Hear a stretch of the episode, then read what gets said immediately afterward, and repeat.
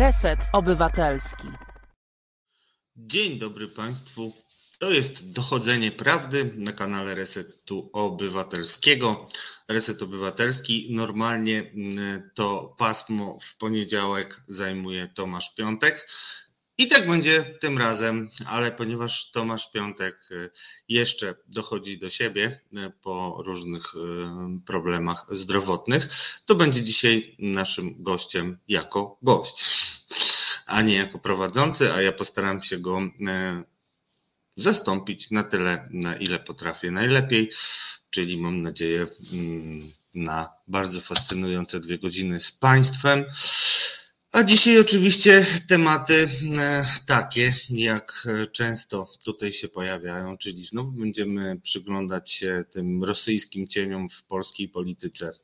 I do tego Tomek Piątek jest nam e, niezbędny, ale nie tylko, bo będziemy też e, zajmowali się e, tymi politycznymi wydarzeniami, które e, spełniają różne marzenia prezesa Jarosława Kaczyńskiego, prezesa PiS, o tym, jakby tu wszystkich wziąć twardo za kołnierz, żeby nie powiedzieć za mordę i uczynić świat lepszym. Tego typu pomysły w historii nigdy dobrze się nie kończyły, chociaż może w programie dawno, dawno czemu mm, mógłbym poprosić Esterę, żeby poszukała innych przykładów. Mi przychodzą same złe na myśl. Drodzy Państwo, już za chwilę dołączy do nas e, nauczyciel z Sopotu, bloger, e, fotograf Paweł Lęcki, z którym będziemy rozmawiać o tym, co w tym tygodniu może się wydarzyć mm, w no cóż, w zakresie mm, ustaw, które mm, wzmacniają pozycję kuratorów nad dyrektorami szkół, bo to tak najkrócej mm, będziemy o tym mówić. I to są tacy kuratorzy jak e, znana kurator Małopolska, Barbara Nowak, czyli e, kuratorzy, którzy nie śpią, bo myślą, jak realizować marzenia przełożonych to ode mnie taka złośliwa mm, riposta do wszystkiego, co czytałem o pani Nowak, między innymi szykując się do programu. Więc e, uważam, że najrozsądniejszym było spytać tego, który mm, tak często i chętnie jest czytany w sieci jako osoba, e, moim zdaniem, charakteryzująca się przede wszystkim skrajną uczciwością w pisaniu tego, co mu na sercu leży. Tak, tak skrajną, że aż e, bijącą kolejne rekordy, co notabene, drodzy Państwo, dużo nam mówi o tym, ile jest nieuczciwości i kunktatorstwa w polskiej sieci, ale to chyba e, wszyscy widzimy na co dzień. E, tak czy inaczej, już za chwilę Paweł Lański, potem e, z Tomkiem Piątkiem będziemy rozmawiać mm, o mm, tym, co wydarzyło się w Warszawie, czyli o spotkaniu, mm, które zorganizował Jarosław Kaczyński w Warszawie. Zaprosił innymi panią Le Pen, i różnych ludzi, których łączy najbardziej to, że są e, dość ostentacyjnie proputinowscy. Bo trudno znaleźć w gronie tych partii, o których e, media prorządowe mówiły, że to partie konserwatywne i prawicowe, takich, którzy znajdują się na kontrze do Putina i to jest takie dość e, znamienne, drodzy Państwo.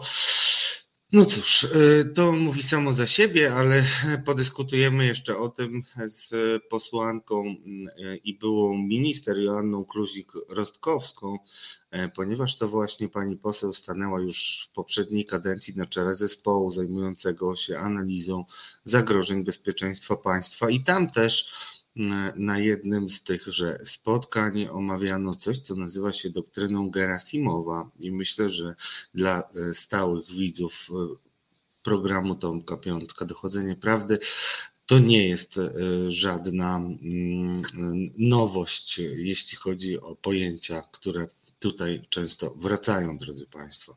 Także mm, porozmawiamy o tym z Tomkiem Piątkiem najpierw, o, o jego ustaleniach i mm, jak się czuje z tym, że mm, od lat y, był w bardzo wąskim gronie tych, którzy ostrzegali, że Polska pod wodzą Jarosława Kaczyńskiego będzie zmierzać na wschód. I teraz to się dzieje na naszych oczach, a te oczy są nam mydlone za pomocą propagandy. Tak to wygląda.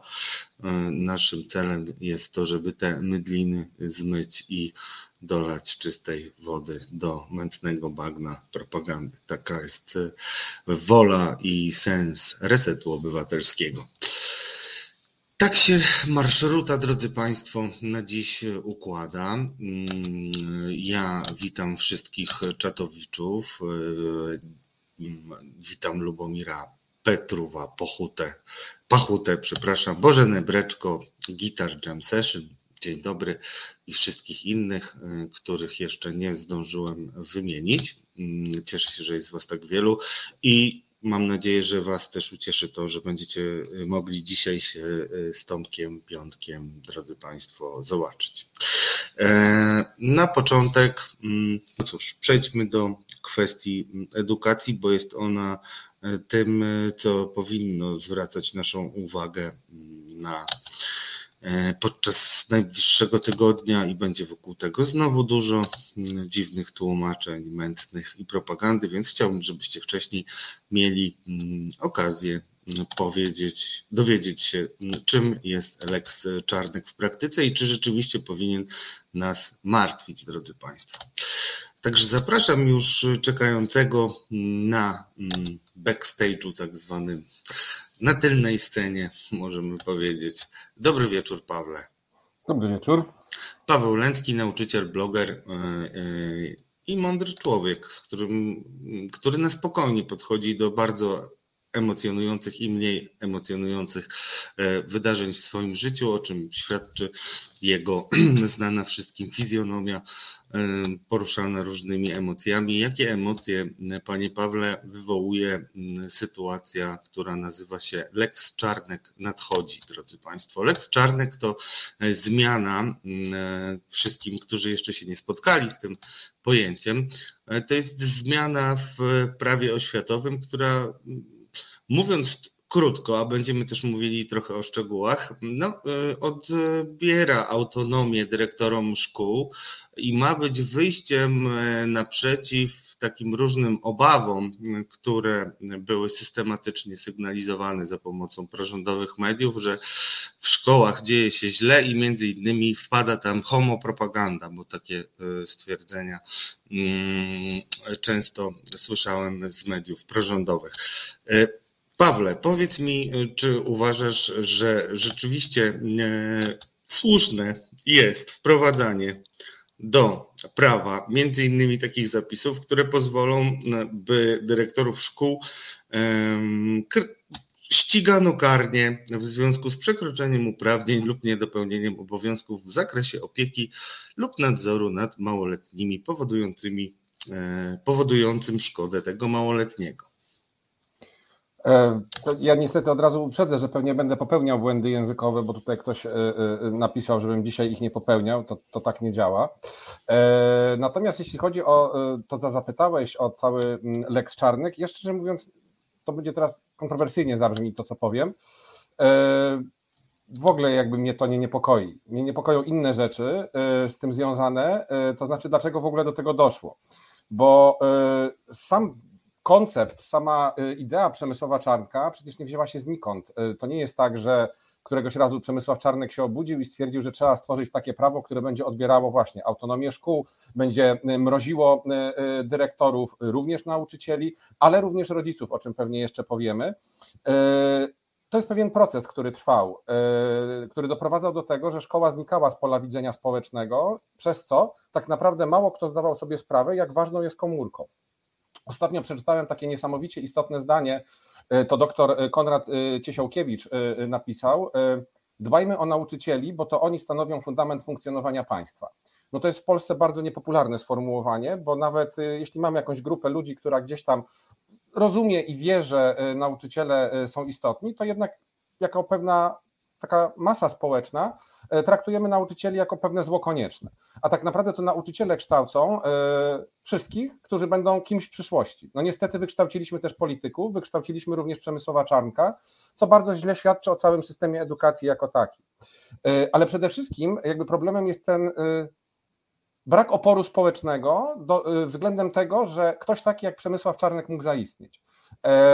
Gdybyśmy my rozumieli wagę edukacji, wagę nauczycieli, tego, co ci nauczyciele powinni robić, gdybyśmy byli odważniejsi w y, walce o edukację, mam na myśli również siebie. Ja, ja, ja, nie mówię tego z pozycji człowieka, który nie wiadomo od jak wielu lat walczy o tą edukację, bo pewnie nie zrobiłem wielu rzeczy wcześniej, które powinienem, więc mówię tak globalnie, to byśmy w ogóle nie rozmawiali teraz o Przemysławie Czarnku, tylko byśmy rozważali, czy na przykład do szkół y, trzeba wprowadzać jeszcze więcej nowoczesności, czy może mniej, byśmy sobie dywagowali po prostu, jak ta edukacja powinna wyglądać w takiej szerokiej perspektywie przyszłości. Y, będziesz rozmawiał później z panią Kluzik-Rostkowską, przecież było minister edukacji, tak już pół żartem, pół serio, to może ją zapytaj, czy będzie pracowała w Wigilię.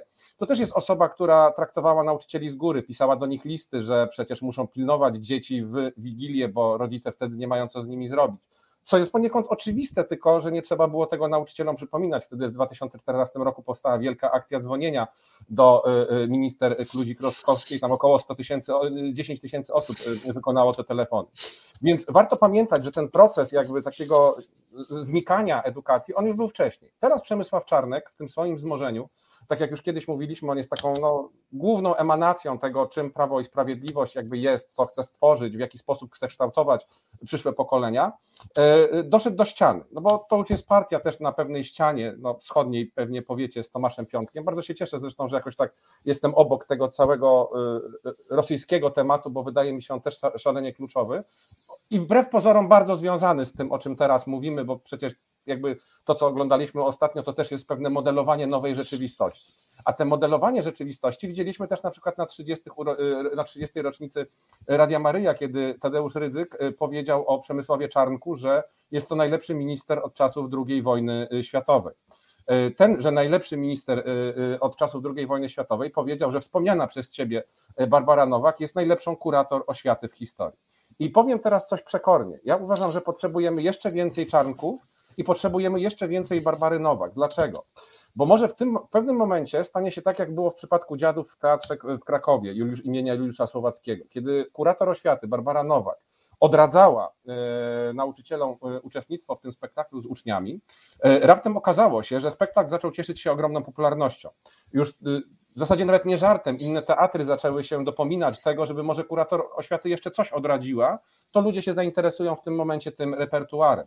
Mam wrażenie, że y, jest to jakieś, jakieś rozwiązanie dla tego społeczeństwa. To znaczy, gdy zobaczy się tak absurdalne postaci w tak y, widocznym jakby świetle, to może w którymś momencie ludzie się ockną, że przecież tak być nie może. Jeśli Lex Czarnek y, gdyby rzeczy, gdy wejdzie, bo tutaj nie wiemy, mamy bardzo niepełną, niepewną większość sejmową, tam wszystko się może zdarzyć, to może tak jak ostatnio z tym jednym głosem opozycyjnym, prawda, się wydarzyć, to to, to, co powiedziałeś, e, to kurator będzie decydował tak naprawdę o tym, jakie organizacje mogą wejść do szkoły. Tu przede wszystkim oczywiście chodzi o organizacje związane z jak szeroko pojętą e, e, edukacją seksualną, bo wiadomo, że edukacja seksualna jest demoralizacją w świecie prawicowym. Nie wolno o tym mówić, a ewentualnie na wychowaniu do życia w rodzinie, które przecież jest tak naprawdę w większości przypadków fikcją. E, oczywiście chodzi o jakiekolwiek, delikatnie choćby organizacje jakkolwiek lewackie, cokolwiek przez to rozumiemy, bo oczywiście pamiętajmy, że jakiekolwiek organizacje religijne, katolickie mogą wchodzić bez żadnego pytania, bez żadnych problemów i żadnych zgłoszeń do kuratorium nie trzeba wysyłać. Barbara Nowak w tej swojej, no niewielkiej, ale jednak jakiejś tam skrytnej inteligencji doszła do wniosku, że przecież y, dyrektorzy mogą sparaliżować pracę kuratoriów y, i zacząć wysyłać y, nieskończone liczbę pism z prośbą o weryfikację danej organizacji, czy też jakichkolwiek warsztatów, jakichś zajęć dodatkowych. Więc Barbara Nowak zgłosiła pewną innowację nawet, e, e, e, żeby tych, tych zgłoszeń mogło być od danego dyrektora na konkretnej przestrzeni czasu tylko 10, czyli jeszcze bardziej chciałaby ograniczyć tak naprawdę możliwość w ogóle decydowania przez dyrektora o tym, co ten dyrektor będzie sobie chciał w tej swojej szkole zrobić. Lub też Rada Rodziców, bo pamiętajmy o tym, że szkoła jako jednostka no, bardzo wspólna wspólnotowa, chociaż w Polsce to strasznie nie działa, no ale technicznie, teoretycznie tak powinno być. Ma jeszcze Radę Rodziców, która może na przykład zaopiniować bardzo pozytywnie na przykład jakąś tam y, edukację, no nie wiem, no trzymajmy się tej edukacji seksualnej. Po czym y, nadal będzie musiał zatwierdzić to kurator oświaty. I kurator oświaty może wystąpić również wbrew rodzicom, bo to jest bardzo ciekawe. Przemysław Czarnek reklamuje ten swój projekt jako ten, który da y, możliwość wpływania rodziców na, na szkołę, ale których? Chyba przede wszystkim tych, którzy są związani oczywiście duchowo, emocjonalnie, intelektualnie z partią rządzącą. I to jest w tym momencie bardzo przerażające. Tutaj tak czytam też y, Państwa komentarze, Państwo piszą, że jestem optymistyczny, że tak naprawdę im więcej tych Barbar Nowak, tym ludziom będzie to mniej przeszkadzało. To jest jedna z wersji scenariuszy, y, jeden, jeden ze scenariuszy możliwych, który mógłby zaistnieć. Ja jednak tutaj będę wierzył w to, mimo wszystko, mimo mojego wrodzonego pesymizmu, że y, pewne nawarstwienie się no, absurdalnych, groteskowych decyzji może w którymś momencie do, doprowadzić, a w zasadzie powinno doprowadzić zarówno nauczycieli, uczniów i rodziców ze szczególnym uwzględnieniem rodziców. E, ja ciągle będę to podkreślał, że nauczyciele sami niewiele są w stanie zrobić, gdy nie czują tego wsparcia ze strony e, rodzicielskiej. Gdyby tak naprawdę rodzice jasno powiedzieli, nie, no absolutnie, my się na to nie zgadzamy, my, my, my jakby, nie wiem, ufamy, wierzymy, że szkoła, do której e, nasze dziecko chodzi, zapewni mu y, w miarę sensowną edukację, oczywiście w tym systemie, jaki póki co mamy, że zajęcia dodatkowe należy zaufać nauczycielom, że wprowadzą zajęcia dobre, nie będą krzywdziły dzieci. E, to wtedy byłoby lepiej. I y, puentując, bo zapytałeś, trochę odbiegłem od tego, czy to dobrze, że dyrektor będzie ścigany za działania na krzywdę dziecka. Znaczy powiem i tak, i nie. No bo oczywiście, że należy ścigać i nauczyciela, i dyrektora, który faktycznie będzie działał na krzywdę dziecka. Tylko, że ta krzywda dziecka w Lex Czarnek jest niedookreślona. To jest cokolwiek. Czyli na przykład edukacja seksualna, bo w świecie prawicowym edukacja seksualna działa na krzywdę dziecka. A przecież tam, gdyby tam były rozpisane dokładne rzeczy, czyli no nie wiem, pedofilia, tego typu sprawy, tak, no to sprawa byłaby jasna i czytelna i chyba nikt nie miałby wątpliwości, zresztą to już istnieje przecież w kodeksie karnym, że jeśli nauczyciel popełni przestępstwo, pobije ucznia, y, będzie go molestował, no to automatycznie podlega kodeksowi karnemu, czyli tak naprawdę jest to zmiana tylko i wyłącznie po to, żeby dyrektorzy bali się podejmowania decyzji dotyczących czysto edukacyjnych działań, czysto opiekuńczych działań, które w domyśle Prawa i Sprawiedliwości mogą krzywdzić dziecko. W domyśle. Chciałem Cię spytać, czy Tobie się nie wydaje, że to jest trochę tak, że PiS, który jest emanacją różnych myśli, marzeń, lęków i fobii Jarosława Kaczyńskiego, i które to myśli, fobie y, i różne przekonania Jarosława Kaczyńskiego podwładni jego próbują zgadnąć i wcielić w życie. Czy to nie jest trochę tak, że razem z Przemysławem Czarnkiem tak naprawdę na koniec dnia mamy obraz partii i lidera partyjnego, który nie potrafi w żaden sposób nawiązać wspólnego języka E, z młodszą generacją, e, nie potrafi w żaden sposób przekonać do swojej racji, e, dlatego robi to, co umie najlepiej, czyli jeżeli nie potrafi kogoś przekonać, to nie bawi się w ceregiele, a po prostu robi wielką centralizację, wystawia swojego człowieka, który będzie bezrefleksyjnie wykonywał jego polecenia i wprowadza po prostu zamordyzm, nie licząc się w żaden sposób z młodymi ludźmi i co jest takie dla mnie bardzo bijące po oczach, to to, że on młodych ludzi w ogóle nie traktuje jako partnerów, bo to nie są potencjalni wyborcy Prawa i Sprawiedliwości, o czym e, rozmawialiśmy w tym programie nieraz, w związku z czym trzeba ich e, karnie wziąć za łby, posadzić w twardych ławkach i kazać e, uczyć się na pamięć Bogu Rodzicy. Czy, czy nie wydaje ci się, że to jest trochę tak na koniec dnia, jakby obedrzeć to z różnych e, ozdobników taka sytuacja? Znaczy ja powiem więcej, bo ja ciągle uważam, że przeceniamy jakby e, tą emanację Jarosława Kaczyńskiego. Pamiętajmy, że rządzi nami mniejszość, bo wszystkie sondaże, e, bardziej oceny sondażowe e, obecnej władzy, tak jak na przykład w przypadku Zbigniewa Ziobry, bo to jest dobry przykład, on ma krańcowo złe oceny swoich reform i to również w elektoracie Prawa i Sprawiedliwości. Przemysław Czarnek również ma bardzo niskie noty, jeśli chodzi o oceny swoich działań, co oznacza, że tak naprawdę oni działają wbrew temu, czego oczekuje większość, większa część społeczeństwa. To jest tak jak z młodymi, którzy odchodzą z religii, a u nas w Polsce Kościół stanowi nadal jakiś fundament treści merytoryczno-religijno-duchowo-wartościowo-etycznych, tak? A, a przecież młodzi ludzie jakby już zupełnie są w innym miejscu niż pan Gondecki, tudzież Jędraszewski.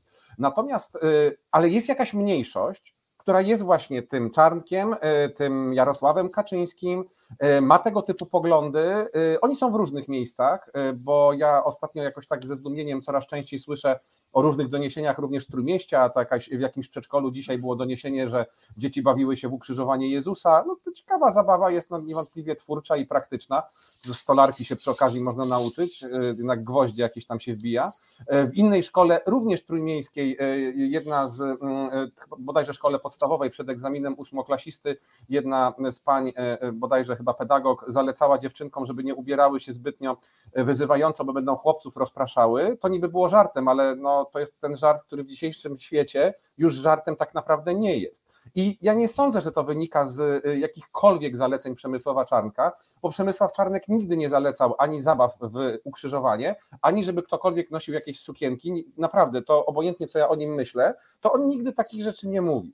E, myślę, że pewni ludzie jakby odkryli, że można głosić swoje koncepcje i teorie e, całkiem otwarcie, e, bo wcześniej też już tak myśleli.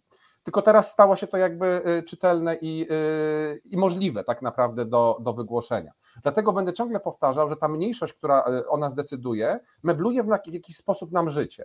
E, my musimy zgodzić się jakby na nich, ponieważ no oczywiście wyborczo tak e, e, partia wygrywa, ale wcale nie jest tak, że nawet wyborcy Prawa i Sprawiedliwości są jakoś szczególnie szczęśliwi z pewnych aspektów działalności tej partii, co pokazują sondaże.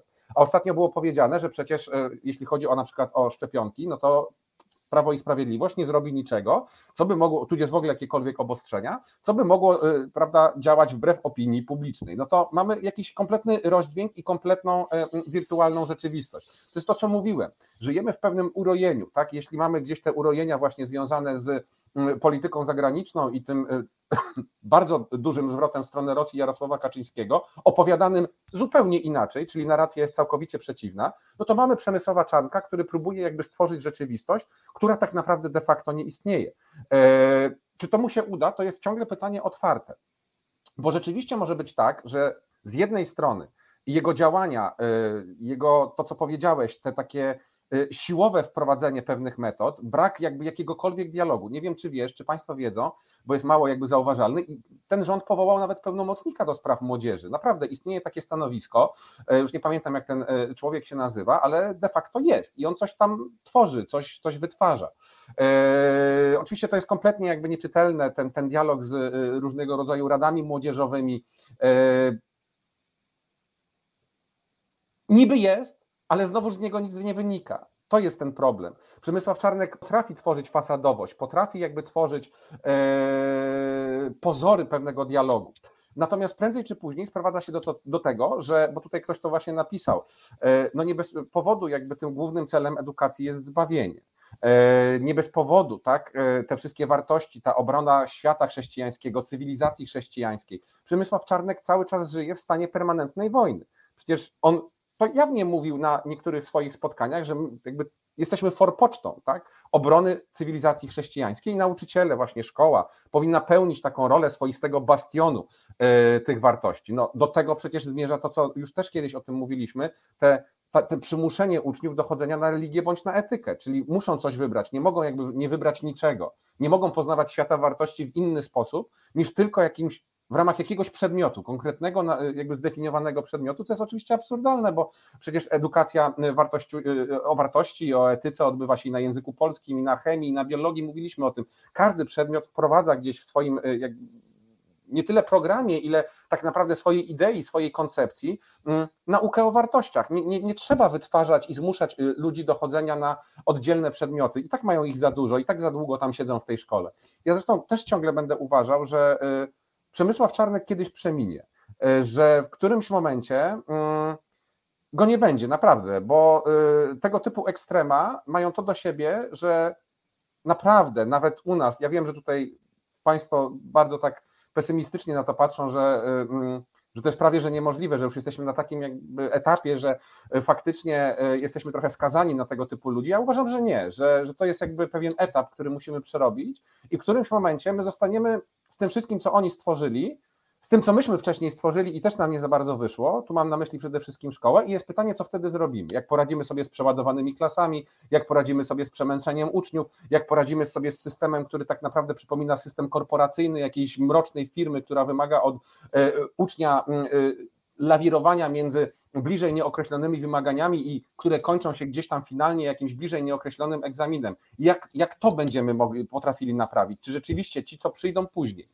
bo oni przyjdą za jakiś czas. Pytanie, którzy, to już jest pytaniem znowu bardzo otwartym. Natomiast czy oni będą potrafili e, przekonać społeczeństwo, też czy my będziemy potrafili przekonać społeczeństwo jako nauczyciele. Ja uważam, że tutaj jest taka wielka rola e, nasza nauczycielska, żeby pokazywać, jak ważna jest ta szkoła, żeby za chwilę skupić się na tej ważności, żeby zacząć rzeczywiście myśleć, no dobrze, no to skoro są klasy przeładowane, to zróbmy tak, żeby nie były przeładowane. Skoro uczniowie są przemęczeni, to zróbmy tak, żeby uczniowie nie byli przemęczeni. Skoro system tak naprawdę przygotowuje nas do życia w mrowisku, to może wyjdźmy z systemu, który przygotowuje nas do życia w mrowisku i nauczmy się żyć w nowoczesnym, trudnym i skomplikowanym świecie. Jeśli mamy problemy psychologiczne, to nauczmy się rozwiązywać przynajmniej część tych problemów psychologicznych, nie tylko przy pomocy psychologów, bo zanim ich wykształcimy, tych dziecięcych i psychiatrów, to jeszcze minie, minie wiele czasu. Więc musimy znaleźć inne rozwiązania, takie chociażby jak program tutorski, e, masowo jakby taki kompleksowy dla wszystkich szkół, który pozwoliłby nauczyć się, nauczyć się e, nauczycielom rozmawiać z młodymi ludźmi. Te rozwiązania, niektórych tych mm, mm, rzeczy, o których mówię, one istnieją i w niektórych szkołach są praktykowane. Dodajmy jeszcze jedną rzecz, e, bo mm, jakąś taką oazą wolności były szkoły społeczne, szkoły prywatne, niepubliczne. Lex Czarnek również tam się dobiera, czyli daje kuratorom o wiele większą kontrolę nad szkołami niepublicznymi.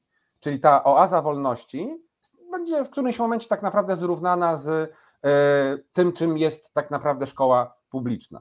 I na koniec podam puentę, ale myślę pozytywną. To nie jest tak, że pewnych rzeczy w szkole nie można zrobić, że my się troszeczkę przesadnie boimy y, tak naprawdę, póki teraz nawet jak jeszcze nie ma tego czarnek, boimy się robić pewnych rzeczy. Myśmy robili debatę, debatę europejską, e, zaprosiliśmy różnych gości y, i nic się nie stało. Rozmawialiśmy o Europie, jaka powinna być, dlaczego jesteśmy zarówno Polakami, jak i Europejczykami. Rozmawiali uczniowie, rozmawiali rodzice, rozmawiali y, goście, adwokaci i nic się nie stało. To nie, my czasami za bardzo boimy się pewnych rzeczy. Nauczyciele generalnie, zresztą ten e, doktor Tomat, e, e, Konrad Cisiołkiewicz powiedział bardzo ważną rzecz, że w tej chwili gdzieś tam wśród tych różnych grup zawodowych, takich chociażby jak pracownicy ochrony zdrowia, to nauczyciele są jedną z bardziej straumatyzowanych grup społecznych, ponieważ bardzo mocno oberwali w czasie strajku nauczycieli. Później tak naprawdę wycofali się dość mocno z takiej aktywności. Została tak naprawdę tylko garstka tych, którzy naprawdę jeszcze gdzieś tam mocniej tak reagowali publicznie. Później przyszły po kolei tak te wszystkie jakby y, zdarzenia związane no, y, z Przemysławem Czankiem, który był takim, takim apogeum tak naprawdę tego stłamszenia nauczycieli. I kiedy Przemysław Czarnek mówi, że on jakby chce zwiększyć prestiż zawodu nauczyciela, on głównie mówi tylko o pieniądzach, to, to, to w zasadzie nic więcej. Yy, oczywiście, że pieniądze są ważne, tylko że nie zwiększy się prestiżu zawodu, w jakikolwiek sposób, gdy ten zawód się stłamsi, gdy ten zawód będzie sterowany tak naprawdę przez kuratorium, czyli y, jakby jakąś zewnętrzną instytucję, bardzo wątpliwych kompetencjach ludzi. Ja ja nie znam y, w tej chwili, nie, nie znam, nie umiałbym wymienić kuratora, który by się wyróżniał y, w jakikolwiek sposób, jakimś właśnie błyskiem inteligencji, pomysłem, ciekawością świata. To są w większości ludzie tacy jak Barbara Nowak, tylko nie mają takiego parcia na na rozpoznawalność jak ona. E, więc y, jeśli tacy ludzie mają decydować o nas, nauczycielach, to bardzo by było dobrze, gdyby rodzice zdali sobie sprawę, że przez to będą decydowali o ich dzieciach. To jest to, to, to, ja ciągle to powtarzam. Ja mogę wyjść z tej szkoły, nawet niekoniecznie się zwalniać, ale tak po prostu z niej wyjść i zostawić to na moment, później sobie wrócę, coś tam zrobię i wyjdę. Dzieciaki w tej szkole są o wiele dłużej, dzieciaki w tej szkole spędzają o wiele więcej czasu i co więcej, te dzieci tam się uczą świata. Barbara Nowak ma uczyć dzieci tego świata? Przemysław Czarnek ma uczyć dzieci tego świata? To jest moim zdaniem przerażające i dopóki rodzice sobie z tego nie zdają sprawy, albo inaczej, chyba już zdają, tylko nie do końca wiedzą, co z tym zrobić, e, to dopóki nie zrozumieją, co powinni z tym zrobić, czyli bardzo jasno wyrazić sprzeciw i powiedzieć: Nie, my się na to absolutnie nie zgadzamy. To są nasze dzieci. Przemysław Czarnek zawsze lubi mówić, Jarosław Kaczyński też. Zostawcie nasze dzieci, wara od naszych dzieci. No akurat w przypadku Jarosława Kaczyńskiego to w ogóle jest problem. E, natomiast e, to my mamy prawo też powiedzieć, rodzice mają prawo powiedzieć, wara od naszych dzieci. Nie wiem, dlaczego tego nie robią. No właśnie, ale to jak już tak e, wzywasz mnie też do, do tablicy, bo ja jestem rodzicem, tak. jestem rodzicem, no to w takim razie moje otwarte pytanie jest takie, to jak ty sobie wyobrażasz w ogóle taką, takie przebudzenie tych rodziców, którzy mieliby powiedzieć wara od naszych dzieci? W jaki sposób to zrobić? Czy masz w ogóle, bo, bo braki rzeczywiście jakby no, trudno jest kwestionować. Brakuje takiego głosu, aczkolwiek e, no, e, też e, inicjatywy rodziców potrafią mieć przemożny wpływ na rzeczywistość i czasami mm, możemy chyba tego żałować, tak jak to było z jednym małżeństwem, które mm, doprowadziło. Tak, mm, elbanowskich, które doprowadziło, no skutecznie działało bardzo i doprowadziło między innymi do tego, że mamy teraz e, likwidację gimnazjów, e, a później jakoś zniknęli i zajmują się mniej spektakularnymi Ale... rzeczami. Mhm. Ale wbrew pozorom, ten przykład elbanowskich, on powinien nam dać do myślenia. Oczywiście, że elbanowcy wykorzystali koniunkturę polityczną, która akurat sprzyja elbanowskim i wszystkim tego typu ludziom, więc to jest poniekąd oczywiste, że oni odnieśli sukces, no bo, y, no bo to jest jasne, tak? No, zasada akcja-reakcja. Natomiast y, sam jakby sposób ich działania powinien dać do myślenia tej, nazwijmy to naszej stronie, tak? Czyli oni byli bardzo aktywni, mieli bardzo konkretne pomysły, y, bo my możemy się z tymi pomysłami nie zgadzać, oczywiście, tak? Możemy uważać, że one są absurdalne, ale oni mieli je opracowane, tak? Oni mieli je zdefiniowane, co oni chcą konkretnie osiągnąć, no i to sobie osiągnęli. Y, przecież istnieją inicjatywy, nie dla chaosu szko w szkole, wolna szkoła, protest z wykrzyknikiem, jest pewne pole działania, w którym można się zaangażować i jakby przynajmniej próbować wyrazić swój sprzeciw. Dzisiaj było wysłuchanie obywatelskie e, projektu Lex Czarnek. Przeczytałem właśnie tam bardzo taką fajną wypowiedź e, jednego z rodziców, który powiedział, e, że to akurat był chyba, była osoba powiedzmy z kręgów wiejskich, bo mówiła o, o wójcie i burmistrzu, ale to było takie bardzo ładne. Powiedziała jasno, że jeśli taki Przemysław Czarnek wsadzi nam swojego dyrektora, to go wywiesiemy na taczkach. No prosta, klarowna, ktoś powie, no i znowu przemoc, prawda, telewactwo to tylko przemoc stosuje. Ale oczywiście, że to była metafora. No, słynna metafora nauki w klatce, którą Ministerstwo Edukacji demontowało całkiem na poważnie. E, e, tutaj jakby też nam każe się zastanowić, jakich słów należy używać, bo najwyraźniej Ministerstwo Edukacji to generalnie nie rozumie za wiele. Natomiast te wywiezienie na taczkach, w sensie takim, że nie zgadzamy się na dyrektora, który zostaje narzucony. No bo jeśli kurator będzie miał gdzieś tam decydujący głos w tym momencie, pamiętajmy jeszcze o jednym. Lex Czarnek, y, jeszcze jego jednym ważnym celem jest odebranie kompetencji samorządom. Czyli kolejna idea Prawa i Sprawiedliwości, czyli niszczymy samorządność, która jest szalenie istotna dla tworzenia społeczeństwa obywatelskiego, bo to w samorządach wykluwa się tak naprawdę społeczeństwo obywatelskie. Nie w tym dużym rządzie, tylko właśnie samorządowo. I samorządy są różne. Jedne sobie radzą lepiej z edukacją i ją wspierają, inne gorzej, inne są powiedzmy takie neutralne, obojętne. Natomiast tym y, y, y, układzie czarnkowym, Lex Czarnek, tak naprawdę samorząd w zasadzie nie bardzo w ogóle wiadomo będzie, co robił, jeśli chodzi o szkołę, oprócz jakiegoś takiego prostego administrowania. Tym samym znowuż jest to jeden z głównych celów, czyli nie stwórzmy społeczeństwa obywatelskiego. Dlaczego? Bo społeczeństwo obywatelskie jest niebezpieczne, zwłaszcza mądre społeczeństwo obywatelskie, które potrafi jasno i klarownie wyrażać swoje oczekiwania względem władzy centralnej.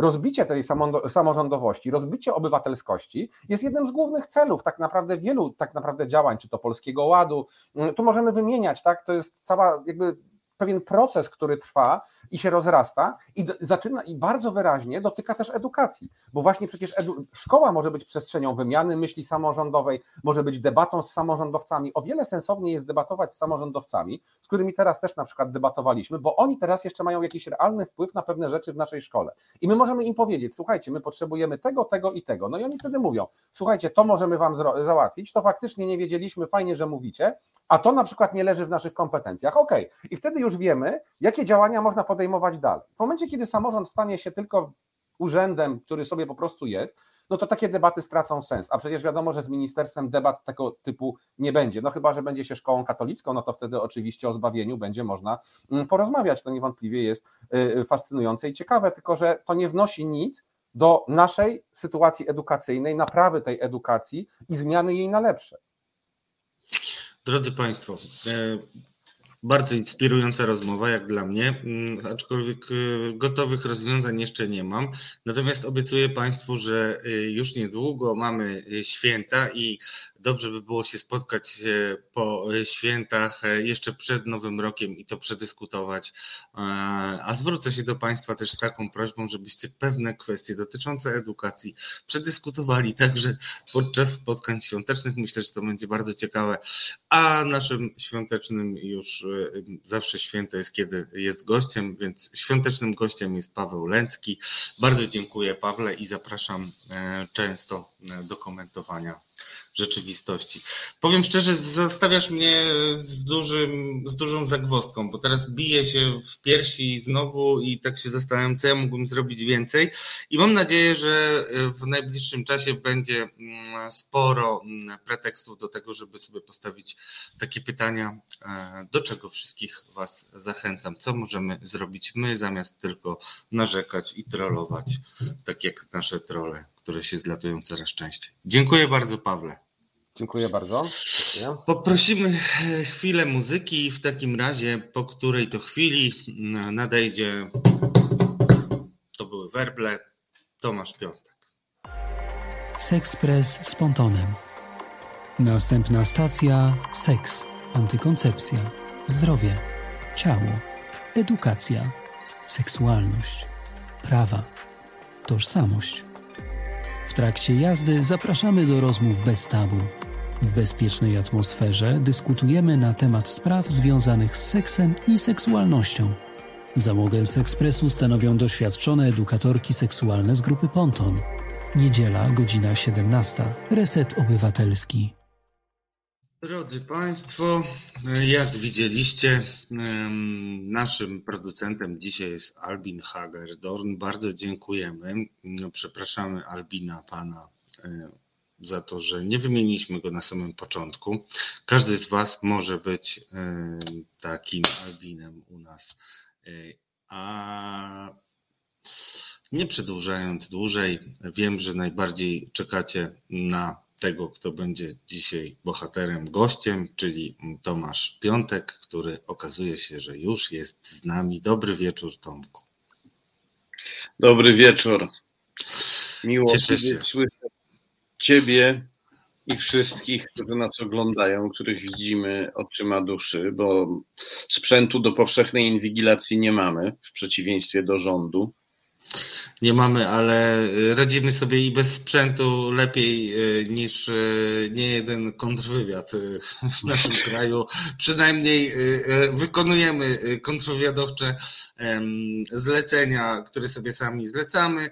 W związku z czym chciałbym, żebyś opowiedział nam o tym, co widzisz tu i teraz, tym, co wynika z Twoich śledztw, niestety, bo w, właśnie w sobotę mieliśmy coś, co chyba jest koronnym dowodem, że obawy, jakie formułowałeś ty, jak Grzegorz Rzeczkowski, Marcin Celiński i jeszcze niektórzy co bardziej świadomi politycy no, dzieją się tutaj i teraz, bo Jarosław Kaczyński wzywa do Warszawy e, partie, które e, mają różne e, między sobą różnice, ale łączy je przede wszystkim to, że albo są entuzjastyczni wobec Putina, albo przynajmniej nie są w żaden sposób sceptyczni, nawet werbalnie. No przede wszystkim pani e, Marine Le Pen dostawała pieniądze od Kremla za pośrednictwem rosyjskiego oligarchy i to jest sprawa oczywista. I ona e, jakby realizuje zlecenia, za które jej zapłacono. Przyjechała do Warszawy nie tylko po to, żeby wystąpić e, na na tym spędzie, na tym kongresie e, warszawskim szczycie, jak to nazwano, zorganizowanym na zaproszenie Kaczyńskiego, E, przyjechała też po to, żeby powiedzieć w Polsce, że Ukraina należy do rosyjskiej strefy wpływów. I, I, to, kiedy, to jest... I to kiedy, mówi to, drodzy Państwo, zaprosiliśmy sobie Marine Le Pen, która przed wyborami prezydenckimi e, pojechała na Kreml, pokazując jasno, że jest dumna z tego, że wspiera ją e, Władimir Putin, to jest e, primo. A jeszcze pamiętajmy, jaki jest kontekst dzisiejszy. No, agencje wywiadowcze, źródła amerykańskie mówią jasno, że Rosja szykuje się do napaści na Ukrainę i w tym momencie zapraszamy sobie polityczkę, która ostentacyjnie mówiła, że mm, przecież e, e, Krym był zawsze rosyjski, że e, sankcje, jakie objęły Rosję po aneksji Krymu, powinny być zdjęte. Taką właśnie gościnie w momencie, kiedy rzekomo nasze władze walczą z agresją Władimira Putina właśnie za pośrednictwem prezydenta Białorusi Łukaszenki, Aleksandra.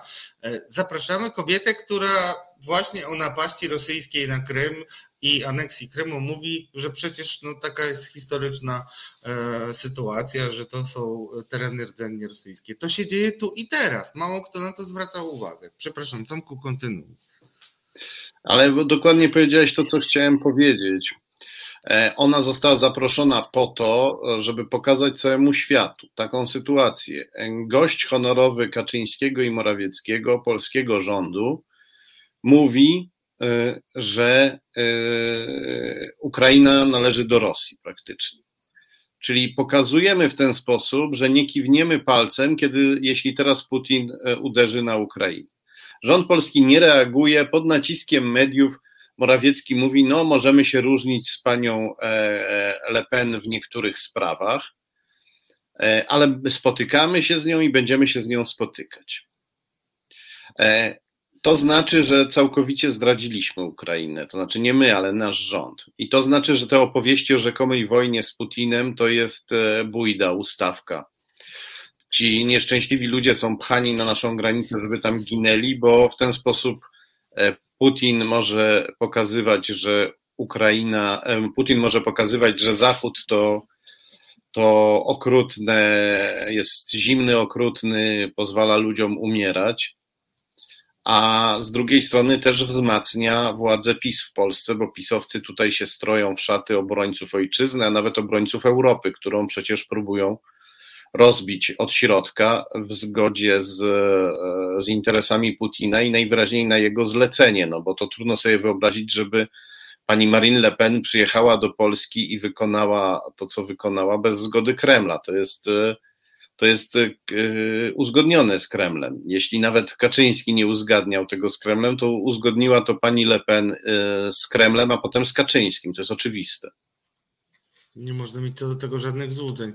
E, prawdopodobnie nieprzypadkowo do Polski nie przyjechał Salvini, znaczy tam były różne kwestie też e, rywalizacji partii prawicowych we Włoszech, ale Salvini był e, często pokazywany jako przykład tego, na czym polega problem z sojusznikami PiSu, bo Salvini wystąpił w koszulce z z Władimirem Putinem bardzo dumny, co później mm, wiele mediów pokazywało. Teraz ja jakoś nie mam wrażenia, że. Ale Salvini, Salvini już w Polsce był, mhm. już rozmawiał z przywódcami PiS. E, w tej chwili Salvini się po prostu trochę targuje o to, kto. Salvini liczył na to, że on będzie liderem antyeuropejskich sił w Europie no ale e, już od wielu wieków w rywalizacji Francji i Włoch ciągle wygrywa Francja i znowu tym razem wygrywa Francja i pani Le Pen e, e, wyrasta na liderkę ruchów antyeuropejskich w Europie, w czym pomaga jej Kaczyński, bo Kaczyński jest jej odpowiednikiem we wschodniej części Europy, ona w części zachodniej. E, i ona potrzebuje, i jakby tu niejako się robi dziwna taka sytuacja, że Putin, aby namaścić kogoś na lidera e, niszczenia Europy, potrzebuje do tego Kaczyńskiego. To słusznie o tym e, pisał Bartosz Wieliński w Wyborczej, że Putin nie jest w stanie dać jakiejś choćby minimalnej szacowności tym putinowskim ruchom, a Kaczyński odrobinę tego jest im w stanie dać, no bo ludzie na Zachodzie tak jak są jeszcze ciągle jacyś ludzie w Polsce, być może, którzy wierzą, że Kaczyński jest antyrosyjski, na Zachodzie ludzie są tacy ludzie jeszcze, którzy wierzą, że Kaczyński jest antyrosyjski. No w Polsce e, ilość tych ludzi się po ostatnim weekendzie chyba drastycznie zmniejszyła. Ja tu obserwuję z pewnym gorzkim rozbawieniem, jak eksperci, którzy tobie i mnie zarzucali, że jesteśmy szaleńcami, kłamcami, nagle odkrywają, ojej, Kaczyński jest proputinowski, ojej, jak to się stało? No trzeba było czytać książki wydawnictwa Arbitror, to by się wiedziało, jak to się stało. E, ale tu się już nie ma co dąsać ani wypominać. E, myślę, że skoro tyle, trzeba się raczej cieszyć z tego, że tyle osób otworzyło oczy i trzeba razem wspólnie z tym walczyć. No, zmiana jest porażająca. Widzimy w tej chwili, że pisowcy dostali przekaz dnia, za pomocą którego mają oswajać e, swoich wyborców z Kremlem. E, na pierwszy ogień poszedł profesor Zybertowicz, który powiedział, że mniejszym złem są siły taktycznie proputinowskie, tak to ładnie nazwał. Potem wyskoczył Cęckiewicz, nadworny historyk Macierewicza wypowiedział się na Twitterze. Cęckiewicz, który przez lata udawał wielkiego wroga E, e, e, Moskwy ogłosił nagle, że proputinowska prawica jest z dwojga, napisał z dwojga złego wolę proputinowską prawicę, bo alternatywą miałaby być proputinowska lewica. I podobne, o jaką proputinowską lewicę mu chodzi? No on proputinowską lewicą nazywa, wskazuje, sugeruje, że proputinowską lewicą miałaby być na przykład Angela Merkel, przedstawicielka umiarkowanej prawicy, która ostro e, wystąpiła przeciwko e, napaści Putina na, na Ukrainę. E, on, podobnie poseł Karol Karski, wielokrotnie wyrażający też sympatię dla Łukaszenki wcześniej, poseł Karol Karski zaczął głosić, że pani Le Pen ma mniejsze związki z Putinem niż Merkel i Tusk. Dlaczego? No, to jest bardzo ciekawe. Pani Le Pen po prostu wzięła gigantyczną łapówkę od Putina, żeby móc realizować jego politykę. Merkel, o ile wiemy, żadnych pieniędzy od Putina nie brała. Koronnym argumentem ma być to, że Niemcy zainstalowały u siebie Nord Stream 2, czyli gazociąg, e, na, na którym Rosja zarabia. I to jest bardzo źle się stało, że Niemcy to zrobili. Niemiecka opinia publiczna teraz się zwraca przeciwko Nord Stream 2, bo Taką siłą najbardziej dynamiczną i rosnącą w Niemczech jest Partia Zielonych, która nie chce współpracy z Kremlem i nie chce paliw takich jak gaz, które zanieczyszczają e, środowisko i przegrzewają e, planetę.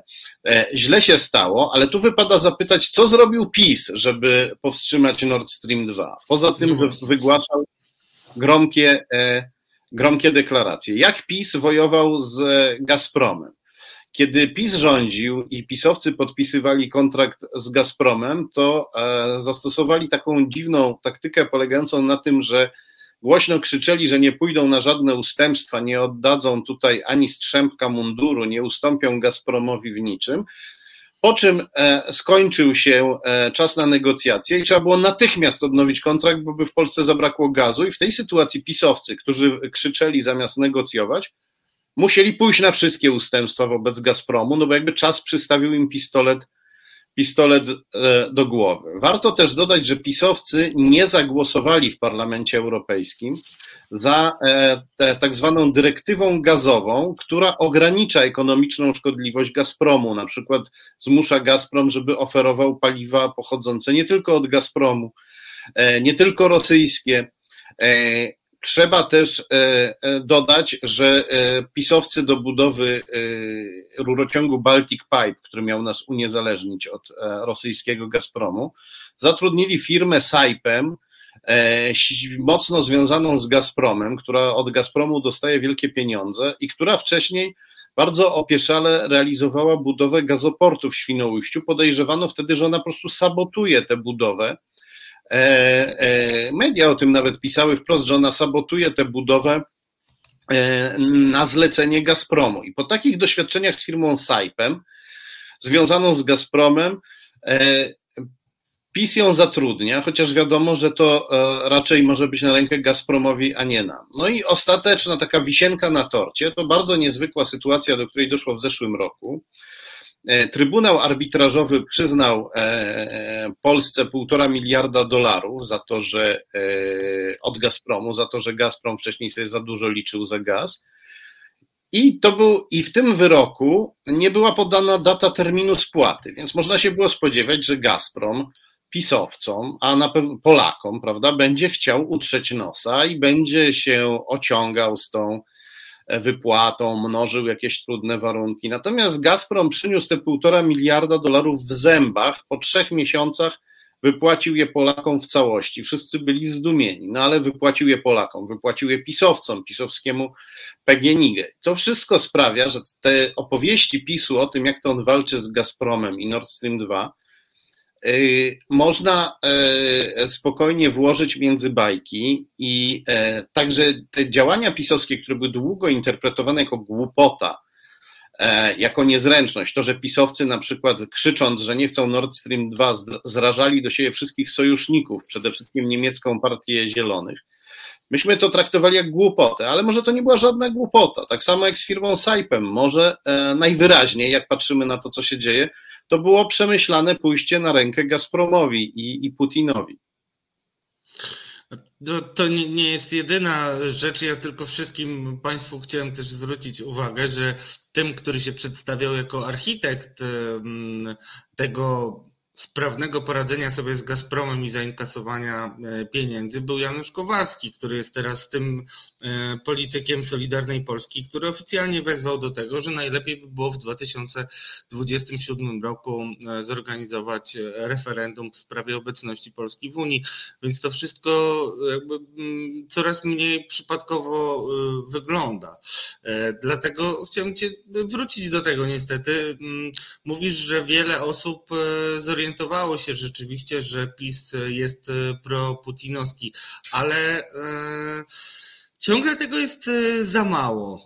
I zastanawiam się, Tomku, czy my możemy cokolwiek jeszcze robić więcej, czy możemy też coś podpowiedzieć naszym wszystkim odbiorcom, którzy tak miło Ciebie witają, przekazując życzenia zdrowia i wsparcia, bo, bo powiem szczerze, to co mnie cieszy, to to, że po latach naszej współpracy dzisiaj możemy już po pierwsze mówić o tym, że to, co przed czym ostrzegaliśmy, dzieje się, więc to nie jest e, jakaś fobia, ale po drugie to też układa się w coraz bardziej spójny mm, obraz e, od 2014 roku i przejęcia władzy po aferze taśmowej poprzez e, kolejne rzeczy, które, kolejne kroki, które sprawiają, że no już nawet nie, nie może być mowy o tym, że jakieś maski opadają, bo tych masek już tak naprawdę chyba nawet e, nie ma. To już jest tylko tempa propaganda w myśl tego, że powtórzone kłamstwo tysiąc razy e, staje się prawdą i tak nas próbują przekonywać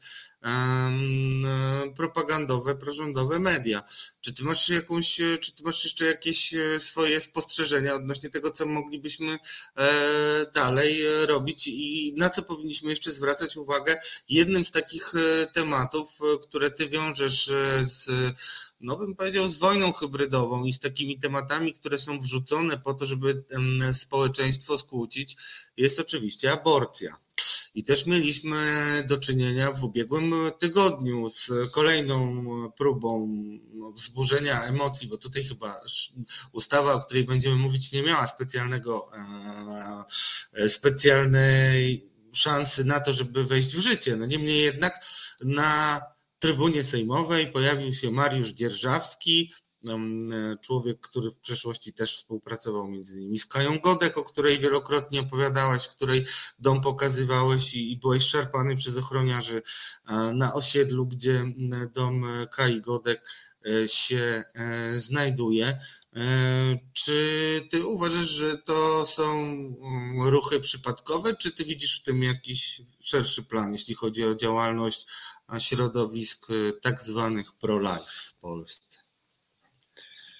E, no, plan jest. E, widzimy, co, widzimy, jak Ordo Juris e, zajmuje planowo stanowiska w ministerstwach, sądach. Widzimy, widzimy, widzimy, co robią, widzimy, jak planowo próbują przekształcić naszą, naszą rzeczywistość. Co do Mariusza Dzierżawskiego, który przyszedł do Sejmu z tym projektem, to tutaj PiS próbuje to przedstawiać troszeczkę jako dywersję, która została skierowana przeciwko PiSowi, żeby pokazać, że PiS jest straszliwie średniowieczny, tak jakbyśmy już tego nie wiedzieli, i że e, chodziło o to, żeby wzburzyć środowiska e, kobiece i e, liberalne przeciwko władzy no, ale gdyby tak było, e, gdyby to była dywersja, to pani marszałek Witek by w ogóle nie dopuściła tego e, projektu pod głosowanie.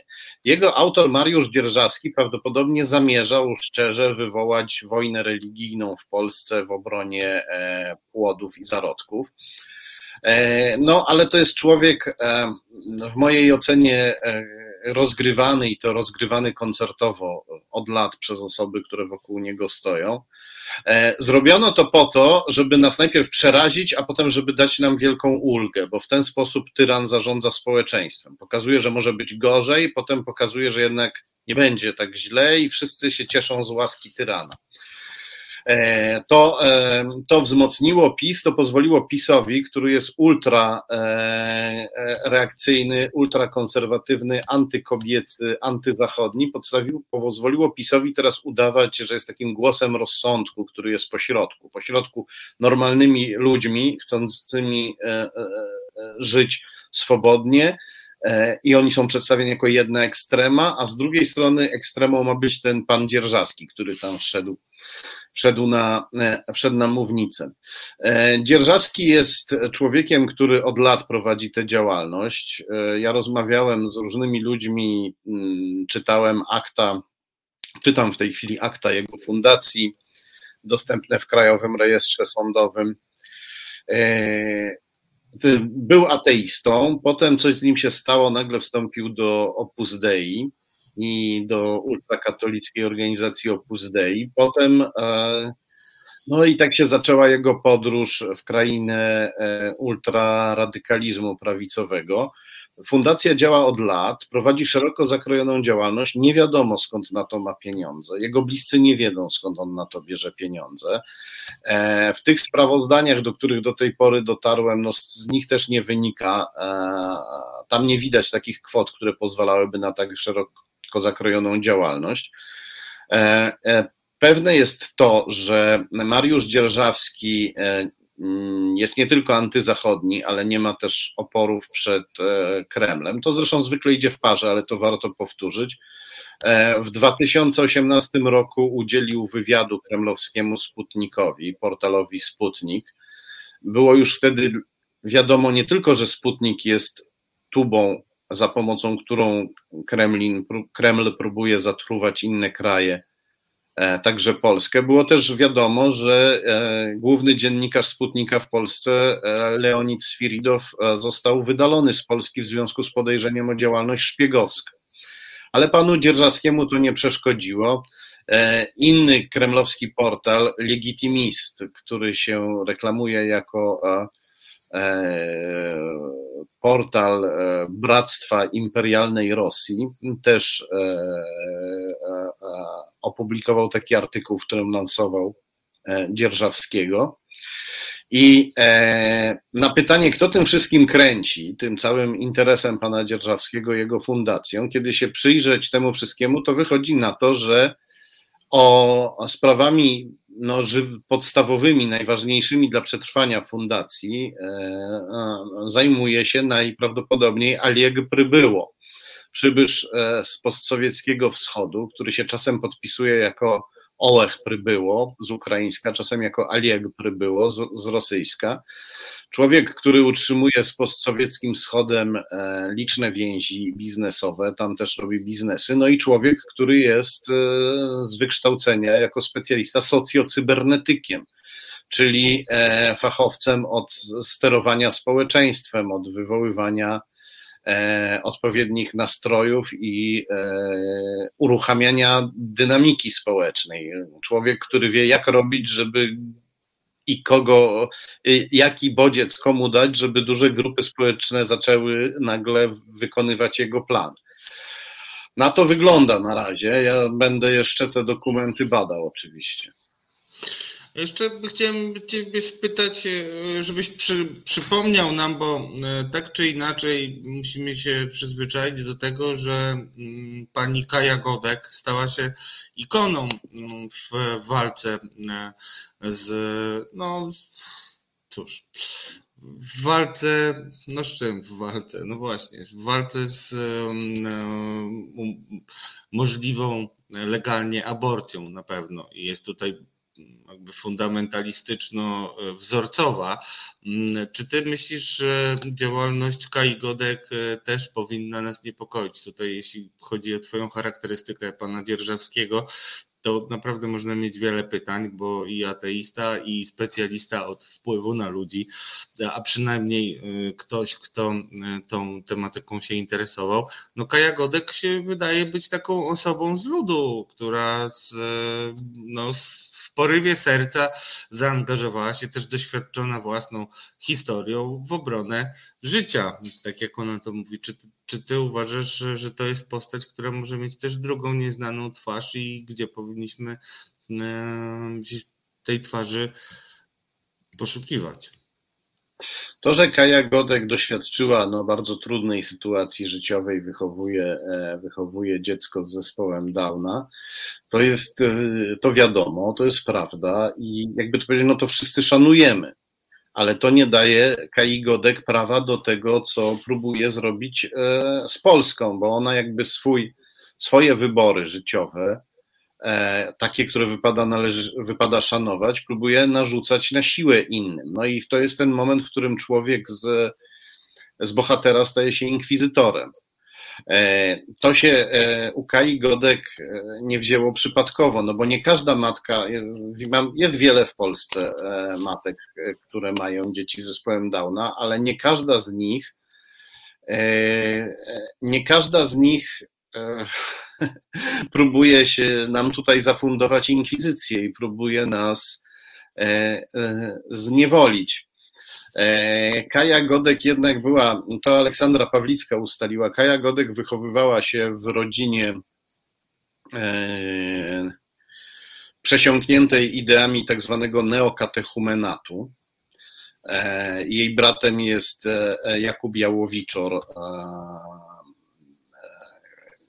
dziennikarz gościa niedzielnego, który jest takim, można powiedzieć, promotorem neokatechumenatu. Neokatechumenat to jest wspólnota, która powstała w Hiszpanii, katolicka, bardzo radykalna, e, kontrowersyjna. E, niektóre odłamy katolicyzmu oskarżają neokatechumenat, że to jest sekta żydowska w katolicyzmie, albo że to jest wspólnota protestancka, która się zagnieździła wewnątrz katolicyzmu. No ja jako protestant żadnych elementów protestantyzmu w neokatechumenacie nie widzę. E, neokatechumenat założył e, hiszpański malarz Kiko Arguello, który był bardzo mocno pod wpływem prawosławia i próbował wprowadzać elementy prawosławia do katolicyzmu, malował ikony, tak jak prawosławni mistrzowie ikon. A w 2006 e, roku e, pan Arguello ze swoją współpracowniczką Carmen Hernandez odwiedził e, Moskwę, odwiedził tam słynnego patriarchę Cyryla, wtedy metropolitę smoleńsko-kaliningradzkiego, tego samego, który został e, ujawniony jako e, tajny współpracownik KGB za czasów komunizmu. Obecnie jest zupełnie jawnym współpracownikiem putinowskiego reżimu, jest filarem i podporą Putina. No i to spotkanie musiało się odbyć w niezwykle ciepłej atmosferze, ponieważ potem e, rozeszła się wieść, że działacze katolickiego przynajmniej z pozoru, ale no, uchodzącego za katolicki neokatechumenatu, będą e, nauczać e, duchownych prawosławnych w Rosji, że, to tak, że do takiego porozumienia doszło z metropolitą Cyrylem i mm, e, rosyjska cerkiew musiała to dementować, bo wzburzyło to wielu prawosławnych. Tam jakby to prawosławie rosyjskie przeważnie bardzo nieufnie podchodzi do wszystkiego, co ma choćby e, najlżejszy zapach e, katolicyzmu z siebie wydziela. E, to jest, no i tak się składa, że brat Kai Godek, Jakub Jałowiczor wychwala tych państwa, którzy odwiedzili Cyryla, pisze o nich w swoich artykułach, szczególnie panią Carmen Hernandez. I warto też odnotować, że nowa liderka neokatechumenatu przez całe dziesięciolecia działała w Rosji więc zapewne ma też dobre stosunki z tamtą cerkwią, skoro tak, tamtejszą cerkwią, skoro tak długo tam przetrwała. Tomku, jeszcze na koniec, e, nie chcąc Cię przeciążać, ale nie byłbym sobą, gdybym Cię nie poprosił o to, e, żebyś skomentował też kolejne wystąpienie. Mamy wyjątkową okazję, 30-lecie Radia Maryja. E, Tadeusz Rydzyk, o którym już nie mówię, ojciec, bo się resocjalizuje troszeczkę, dyrektor ojciec, dyrektor, dyrektor Rydzyk. Dyrektor Rydzyk. Dyrektor tak. Rydzyk. Dyrektor, jak, jak mówimy, tak, dyrektor Kowalski, dyrekt, tak jak mówimy, dyrektor Kowalski, dyrektor Nowak, Dyrektor. E, dyrektor Rydzyk, dobrze, tak. Dyrektor Rydzyk, tak. Dyrektor Rydzyk e, przemówił e, na uroczystościach związanych z 30-leciem i znowu wrócił do tego, że on tutaj dzielnie przyjechał do Polski z Niemiec z czerwonym Audi 80 i miał 80 feningów. Więc chciałem wszystkim, którzy jeszcze zrobili, e, znaczy jeszcze mają szansę tak naprawdę, bo jest grudzień i idealnym moim zdaniem e, dla wszystkich myślących ludzi prezentem jest e, zakup książki mm, o ojcu Rydzyku, szczególnie drugiego tomu. Dyrektorze Tak, dyrektorze Rydzyku. Będzie resocjalizacja trwa. Złote żniwa mm, opisywałeś. Ryzyki przyjaciele. I chciałem, żebyś przypomniał wszystkim, e, jak to było z tymi 80 fenigami i e, jednocześnie e, od siebie dodaję przytyk do wszystkich mediów, które to relacjonowały i z niezrozumiałych dla mnie powodów nie przytaczały Twoich ustaleń, bo Ty ustaliłeś, że te pieniądze, które na początku ojciec na początku dyrektor Rydzyk przywiózł, jeszcze nie będąc dyrektorem, miały bardzo y, ciekawe pochodzenie e, i no i cóż, no i opowiedz nam o tym jeszcze raz sam, bo nauka Ale to nie idzie w las. Kilku, kilku słowach, bo już o tym opowiadaliśmy tak. wiele razy. E, no ale czego się nie robi dla dyrektora Rydzyka z okazji jego jubileuszu? E, kiedy przyjechał do Polski czerwonym Audi, tak to chyba Audi było, to nie miał 80 fenigów. Fenigi to były ówczesne niemieckie grosze. Miał 10 tysięcy franków na założenie radia, na e, zakup e, pierwszego masztu radiowego, które dostał od Wasuli Ryden, bogatej Szwajcarki, a właściwie bogatej mistyczki, Greczynki. Mistyczki, to pamiętam. Wychowanej w prawosławiu, tak, która uprawiała mistykę, czy tam miała wizję, e, miała wizję i publikowała te wizje i w tych wizjach Bóg do niej przychodził i mówił jej na przykład, że e, kocha Rosję, Rosja będzie rządzić światem. No i tutaj pani Ryden, podobnie jak szefowie neokatechumenatu, też pielgrzymuje do Rosji, spotyka się z e, wysokimi hierarchami putinowskiej cerkwi ponieważ robiła to, nie, uwielbiała Rosję nie tylko wtedy, gdy dawała ryzykowi pieniądze, uwielbia ją do dzisiaj. Uwielbia. No cóż, wszystkim polecam ryzyk e, i przyjaciele e, na święta. Myślę, że też dałoby się jakoś zorganizować nawet wydania z autografem, więc marketing dźwignią handlu. Tak, tak, e, Powinniśmy tak Tomek może trochę e, musi, znaczy musi odpoczywać, ale jeszcze autograf dla Państwa może przyszykować. To jest mój autorski pomysł e, jako wicenaczelnego resetu. E, Tomek przyjął polecenie służbowe. W związku z czym, drodzy Państwo, życzymy Tomkowi, ja i całe forum i wszyscy słuchający zdrowia. Polecamy Państwu, żebyście czytali i promowali mm, książki Arbitrora, bo warto, bo ostrzegaliśmy i warto, e, warto te refleksje wreszcie przełożyć w czyn e, i zagłosować inaczej niż mniejszość głosuje, albo na złość mniejszości. Moim gościem w swoim programie Dochodzenie Prawdy był Tomasz Piątek. Do zobaczenia, Tomku. Dużo zdrowia życzymy. Dziękuję. Wszystkiego dobrego Tobie i wielkie dzięki za wsparcie i wszystkiego dobrego Wam, którzy oglądacie. Dziękuję bardzo. Do zobaczenia. Teraz krótki przerywnik muzyczny, po którym e, nasza e, ostatnia gościni, czyli Joanna Kluzik-Rostkowska, która będzie się tłumaczyć trochę na życzenie naszego pierwszego gościa Pawła Lęckiego, a potem potłumaczy też, czym była doktryna Gierasimowa i jak ona ocenia to, co wydarzyło się przez weekend, w trakcie weekendu w Warszawie. To jest Reset Obywatelski. Tworzymy go razem. Dołącz do nas na YouTube, Facebooku i Twitterze. Albin Hagedorn to człowiek, który jest dzisiejszym producentem tego programu Dochodzenie Prawdy. Program Tomasza Piątka. Jak co tydzień poniedziałek 19.21. Bardzo mi miło Tomka zastępować, chociaż uważam, że jeśli ktoś jest człowiekiem niezastąpionym, to właśnie mój przyjaciel Tomasz. Drodzy Państwo, czekamy na e, naszą gościnę, która mam nadzieję zaraz się zgłosi. E, naszą gościnią będzie Anna Kluzik-Rostkowska. O, już jest. Jestem, jestem od pewnego czasu. Jestem. A, to bardzo się cieszę. E, w takim razie mm, bez zbędnej zwłoki, chociaż nie, muszę, bo naszym gościem wcześniej był Paweł Lęcki, nauczyciel z Sopotu.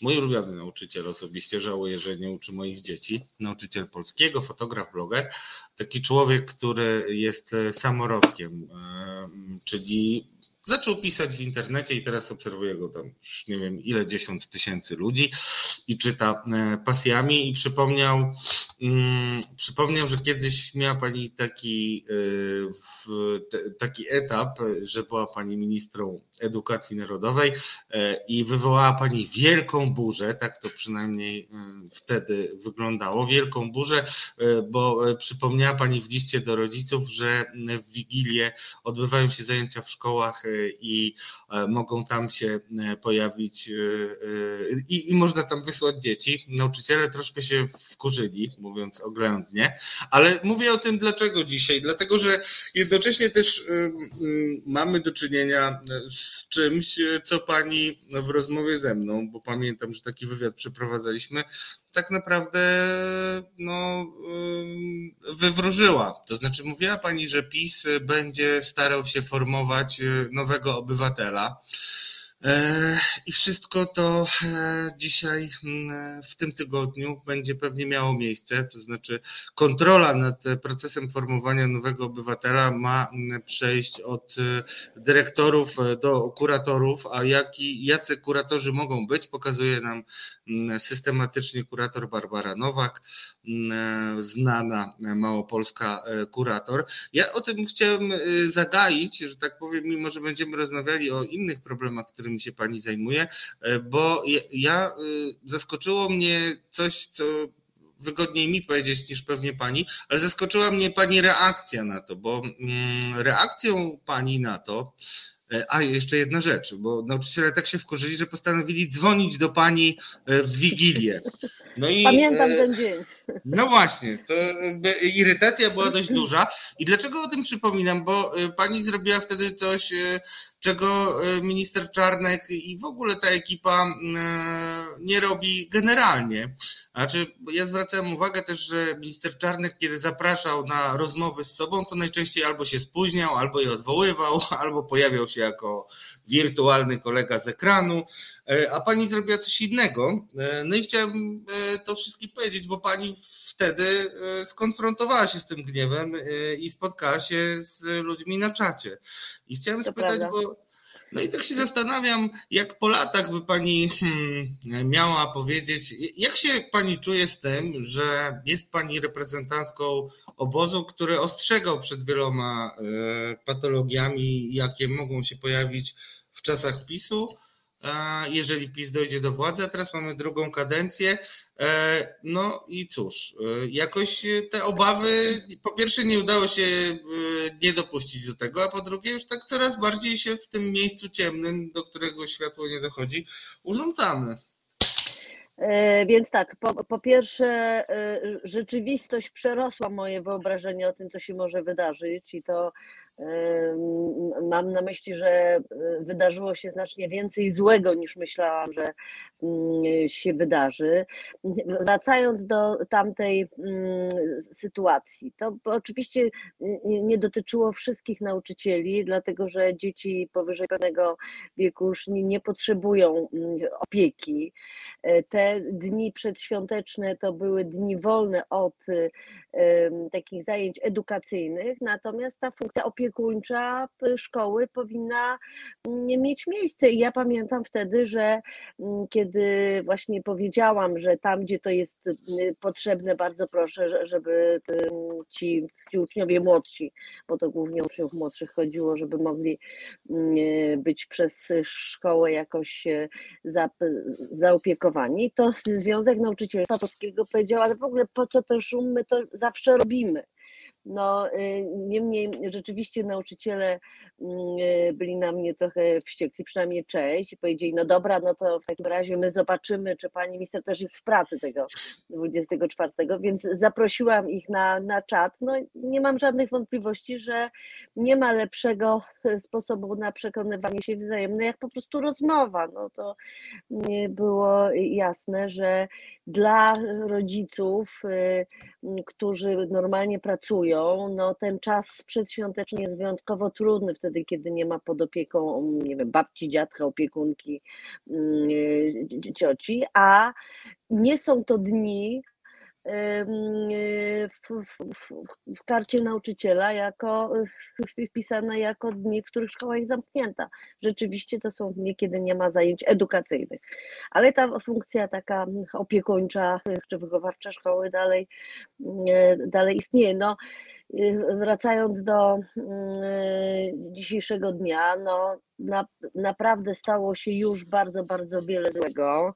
E, poczynając od tego wielkiego e, chaosu wycofywania się z, z gimnazjów, ośmioklasowej podstawówki, podwójnych roczników, podstaw programowych pisanych od e, środka,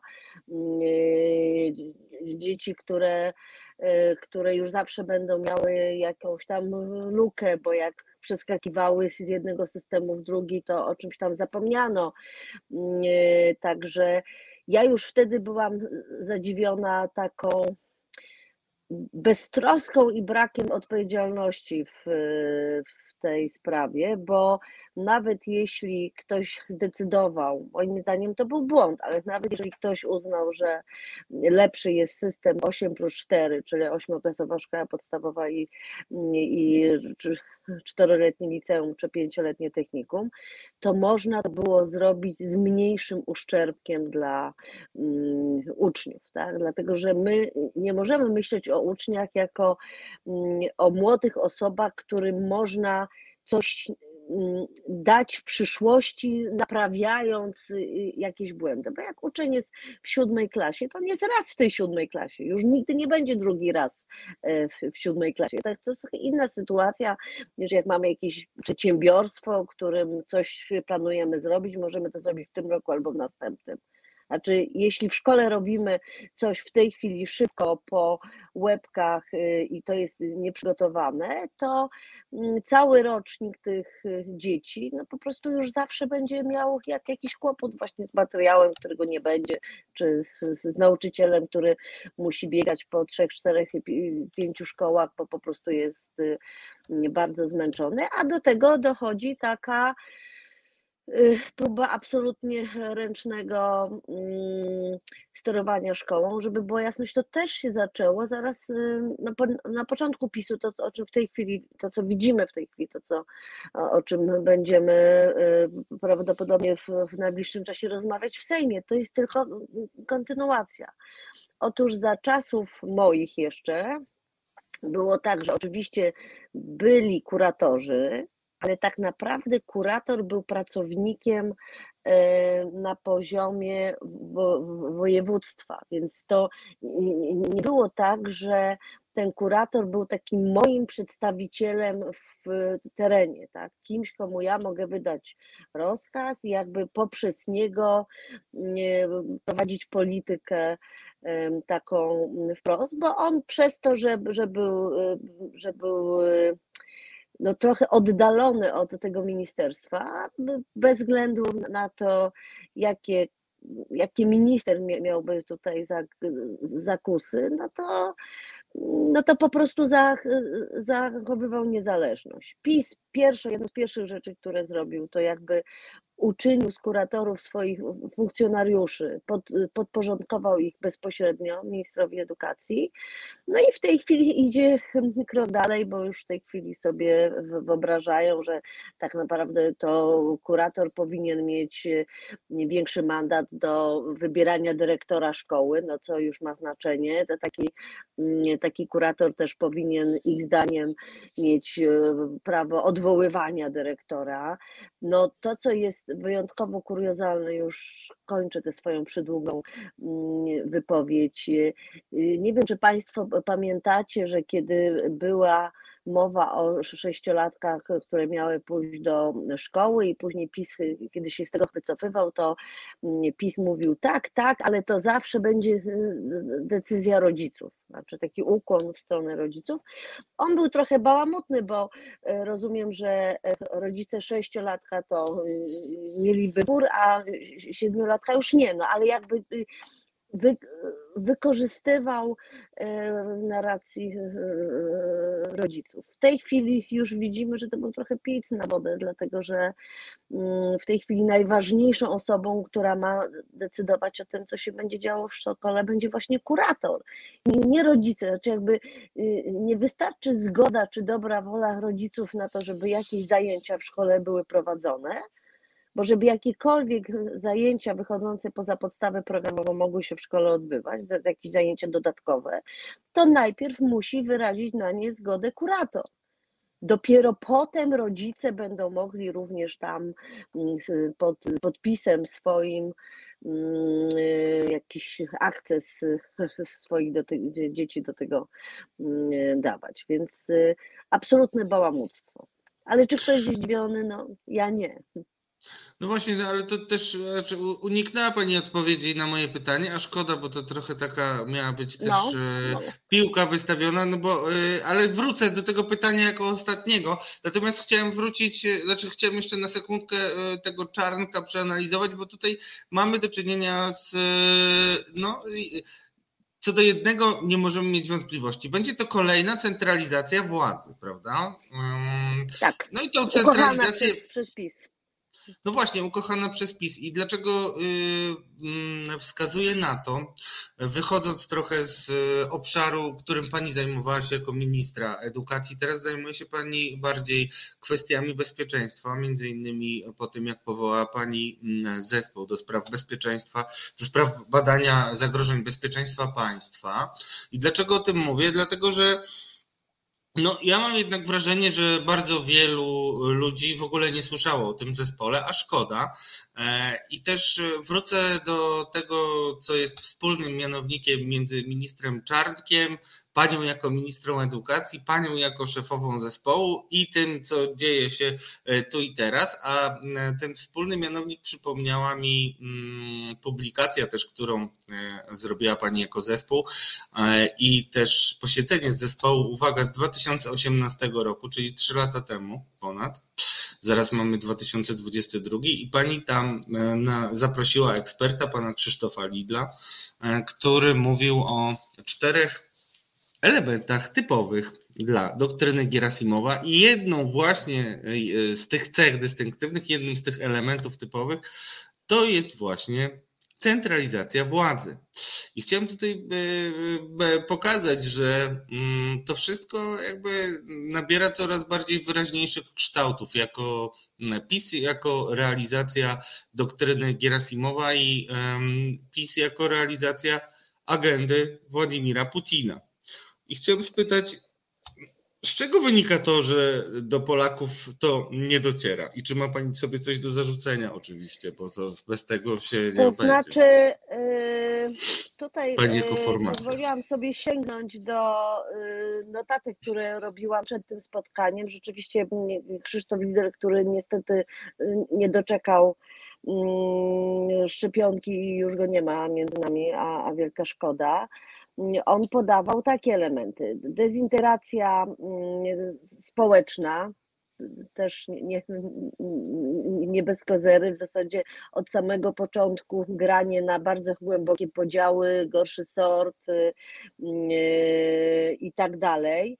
Czyli takie y, postawienie takiej sprawy, że znaczy jakby tak, takie głębokie podziały, że już nie zostaje nawet małej przestrzeni na jakąś de, debatę, rozmowę i tak dalej. Jest swój, swój obcy, tak? przy czym swój w rozumieniu Jarosława Kaczyńskiego to jest ten, kto, kto jest z nim, a obcy to są wszyscy ci, którzy są przeciwko niemu. Na chwilę zrobię dygresję. Kilka dni temu 30 urodziny Radia Maryja, listy Jarosława Kaczyńskiego do Radia Maryja, i to samo. To znaczy, Jarosław Kaczyński uznał, że jedyna wspólnota, która tworzy Polskę, to jest wspólnota katolików. Wszyscy inni są poza nią wykluczeni.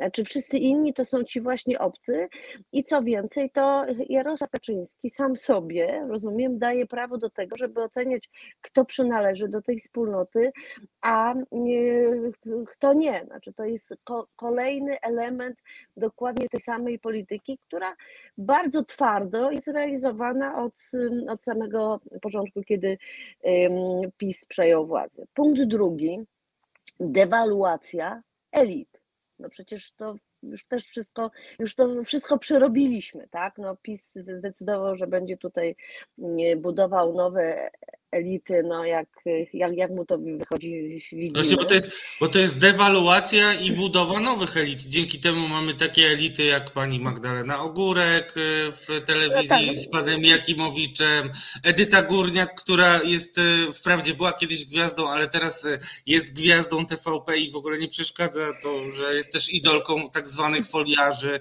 E, to znaczy ja powiem tak, z elitami to jest tak jak trochę jak kiedyś E, w dawnych czasach się mówiło o tym, czy ktoś jest damą, czy też nią nie jest. Znaczy, to tak samo jest z, z elitami, znaczy one albo są, bo e, gdzieś tam się utworzyły, były autorytetami, pracowały na to bardzo długo, a, albo nimi nie są. Znaczy, nie, nie da się po prostu wygenerować sztucznie w krótkim czasie elit. Natomiast rzeczywiście, co, co pokazuje PiS, można bardzo ciężko pracować, żeby dezawuować te elity, które w tej chwili mamy. Powód jest bardzo prosty. No po prostu te, y, te elity, y, które są prawdziwymi elitami Polsce, w zdecydowanej większości nie popierają PiSu. No to jest jakby taki jedyny, myślę, że główny powód, że tutaj była mm, potrzeba y, budowania nowych elit. Centralizacja władzy, a więc i centralizacja procesu decyzyjnego i w nawiasie sobie zapisałam, zdecentralizowany, wymaga zadbania o wiele ośrodków i trudniej nimi kierować. No, do, dokładnie tak jest.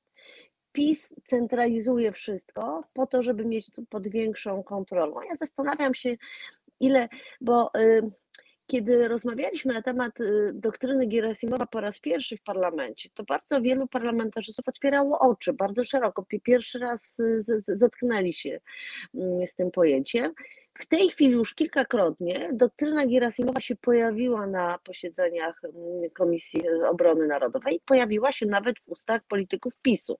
Oni oczywiście rozumieją ją trochę inaczej, ale w ogóle jakby weszło do świadomości, że że współczesna wojna wcale nie musi polegać na wymianie ognia, tak, czy na bitwie czołgów pod Kurskiem, tylko, y, tylko po prostu może być y, prowadzona bardzo finezyjnie poprzez osłabianie przeciwnika bardzo, bardzo różnymi y, bardzo różnymi mm, instrumentami. No tu, tutaj w zasadzie to, to ten Gerasimow, on nie ma nic do roboty, bo to PiS robi sam.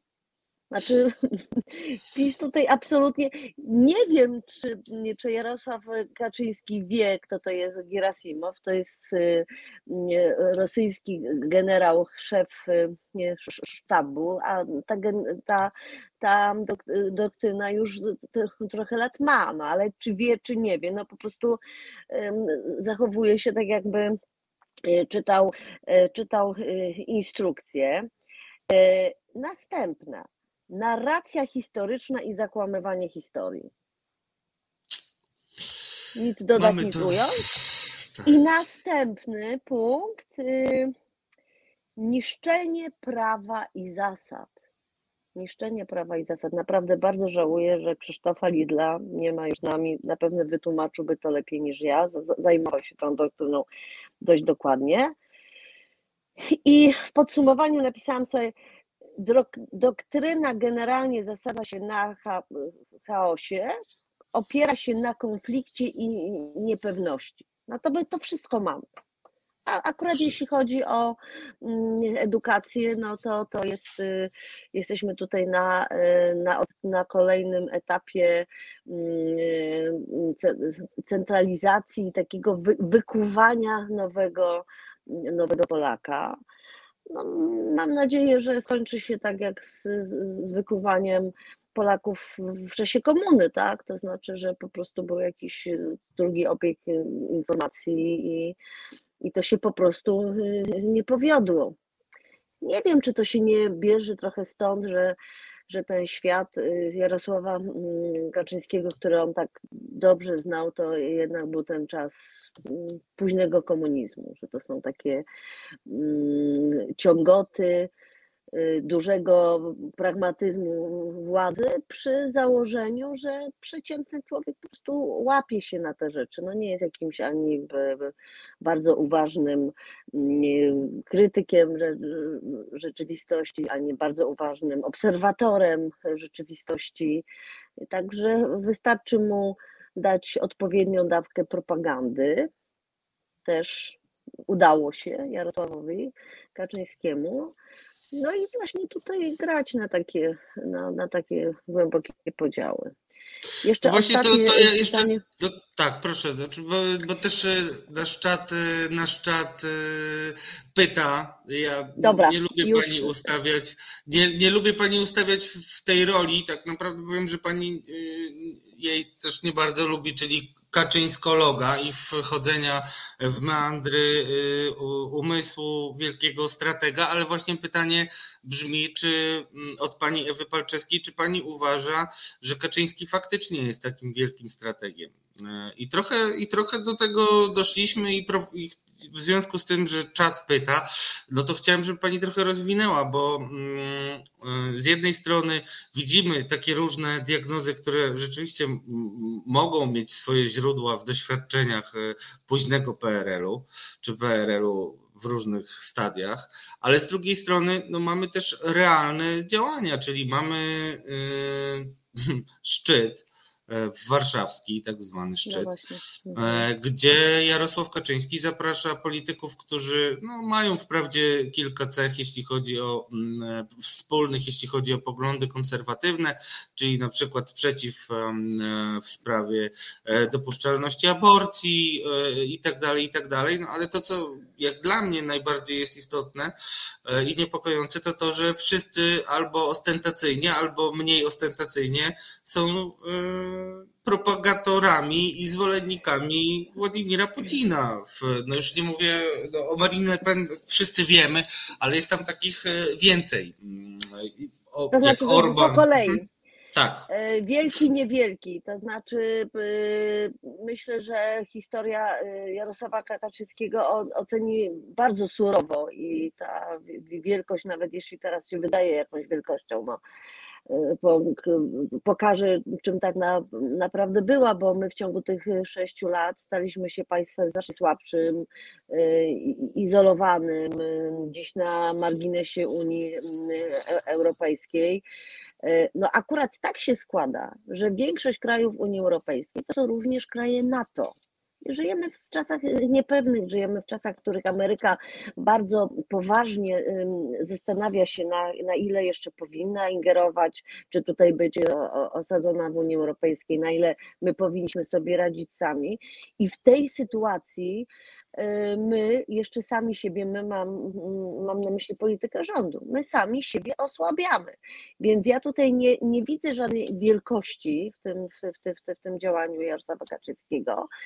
Raczej widzę sytuację, w której y, on ma różne wyobrażenia na temat tego, jak powinno wszystko działać po to, żeby dla niego było to wygodne i nie ma żadnego hamulca wokół siebie. To znaczy, nie ma partnerów, którzy mogliby powiedzieć: Halo, Jarek, zastanów się, to nas mm, czyni e, słabszymi, i to nas wpycha w ręce e, Rosji. Znaczy, on, e, on jest rzeczywiście bardzo samodzielny, no ale przez tą samodzielność no, robi bardzo, bardzo wiele dewastujących rzeczy. I e, ja tak sobie myślę, trochę też e, to pamiętam, że, że o ile Lech Kaczyński cenił Unię Europejską, to e, Jarosław Kaczyński zawsze do niej tak trochę, może tak, może tutaj to ogranicza politykę narodową i tak dalej nie ma żadnych własnych doświadczeń z Unią, po prostu nigdy w niej nie był jako człowiek, tak? Był w różnych państwach jako szef rządu czy szef partii, no ale umówmy się, no, takie wizyty to są zupełnie inne wizyty niż wtedy, kiedy ktoś jedzie i spotyka się w, w innych państwach z, z, ludźmi, siedzi w kawiarni, chodzi po, po, po górach.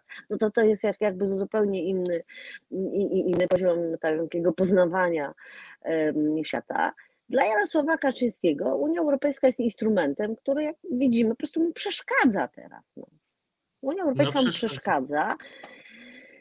W związku z tym y, postanowił tę Unię tak marginalizować. No, i, i, I szuka, i też ktoś dzisiaj słusznie napisał, nie, nie pamiętam, y, który to komentator, że, że Jarosław Kaczyński jest już tak osamotniony, no, że sobie poszukał y, jedynych kompanów, jakich może mieć. Tak? No i wyszło mu, że no, to jest właśnie ta, ta międzynarodówka putinowska. No to jest oczywiście nieodpowiedzialne, dewastujące, bardzo niebezpieczne i oprócz takiego partykularyzmu tutaj, czyli że muszę się na kimś oprzeć, no bo jednak sam nie mogę być, ale nie mogę się oprzeć na Unii, no bo to mi, bo, bo, ta, bo, ta, bo ta Unia jest zła i właśnie jedyna wspólnota, która jest warta yy, podtrzymywania, budowania to jest wspólnota katolików, cała reszta się nie, nie liczy, no to, no to to się wszystko składa w jakąś całość, łącznie z tą, z tą okładką sprzed kilku dni, tak, że, że jest Polska, w której są, są Polacy i w której są tak, obywatele. Unijczycy było? polskiego. Unijczycy. Unijczycy. Tak. Okazało się, że, że ta okładka czy, czy ten tekst nie był przypadkowy, tylko on był takim właśnie przy, przygotowaniem takim przygotowaniem arty, artyleryjskim do, do kolejnych zach, zachowań Jarosława Kaczyńskiego. Naprawdę będziemy za to płacić bardzo, bardzo dużą cenę taka piosenka Kaczmarskiego mi się przypomniała, właśnie on tam opisuje, że, że my tu jesteśmy u, u siebie, a tam ten, ten zachód to jest zgniły i w ogóle tam trzeba się trzymać od nich daleka. Więc to dokładnie takie samo myślenie, że, że z, zach, z zachodu to może przyjść tylko samo zło, a my tutaj właśnie ocalimy ten nasz konserwatyzm. No, y Pytanie za 100 punktów jest takie i w zasadzie chłoszcze mnie tutaj nasza społeczność e, na czacie, bo pyta, ok, znaczy uznając też to, co chciałem pokazać, że nie jest wcale tak, e, że opozycja kompletnie stawia błędne diagnozy, tylko jest trochę tak, że nawet jeżeli te diagnozy wasze są trafne, to one słabo się przebijają do opinii publicznej i to, i to mówię ja na własną odpowiedzialność. Natomiast no, pytanie do Państwa często powtarzane jest takie, czy Wy w ogóle macie jakiś plan na Polskę, jak ta Polska powinna wyglądać po odejściu PiSu do władzy? A pytam Panią też, bo wiem, że, że swego czasu sięgała Pani do myślenia Frycza Modrzeskiego e, i prowadziła też Ciągle. tego typu. No właśnie, no właśnie. No właśnie, i o tym mało kto wie, dlatego porządkując, tak, bo my wiemy o co w chodzi. Kadencji, tak. W mhm. zeszłej kadencji byłam szefową zespołu do spraw zagrożeń bezpieczeństwa państwa. Jeżeli Państwo jesteście zainteresowani, bo rozmawialiśmy tam, było bardzo wiele debat poświęconych różnym e, dewastatorskim zapędom Antoniego Macierewicza, ale zajmowaliśmy się również Polską Grupą Zbrojeniową, zajmowaliśmy się kondycją y, służb specjalnych, no bardzo wieloma rzeczami. I to nie zginęło. Jest taka strona zespół śledczy.platforma.org i tam to naprawdę jest, tam są i prezentacje, stenogramy, nagrania, Yy, o doktrynie yy, Gerasimowa były dwa posiedzenia, jedno właśnie z Krzysztofem Lidlem, a drugie z yy, ministrem Onyszkiewiczem też, też, też o tym mówił. Narodowej. Tak, by, były ministrem obrony narodowej, bardzo mądrze o tym mówił. Natomiast w tej kadencji, w czasie głębokiej pandemii, utworzyliśmy zespół do spraw naprawy Rzeczpospolitej i idąc tropem Frycza Modrzyskiego nazwaliśmy go zespołem Frycza. No. I, i w tej chwili zajmujemy się e, poszczególnymi kawałkami. My oczywiście wiemy, co chcemy zrobić. Tak mówiąc y, zupełnie mm, ogólnie, trzeba odcentralizować to, co PiS tak mocno centralizuje. Trzeba osadzić mocno Polskę w Unii Europejskiej, bo tyle naszego bezpieczeństwa, ile naszej obecności w Unii mm, Europejskiej. No i po kolei te wszystkie trzeba Y, trzeba naprawić sądownictwo, ale o tym będę mówić, bo się tym po prostu nie zajmuję i na pewno są, są lepsi, którzy to potrafią lepiej wytłumaczyć. Tak naprawdę każda dziedzina życia, no, poprzez edukację, y, politykę zagraniczną, politykę obronną, no to, to, to jest taka wielka praca, takie no, trzeba to będzie wszystko odgruzować. Myślę, że, że to będzie bardzo trudne, bo jeszcze przy okazji yy, ci, którzy będą po yy, PiSie rządzić, będą mieli po prostu, nie będą mieli, nie, nie będą mieli worków pieniędzy gdzieś tam z, z boku, z których będzie można korzystać, tylko raczej ten skarbiec będzie pusty, tak. Yy.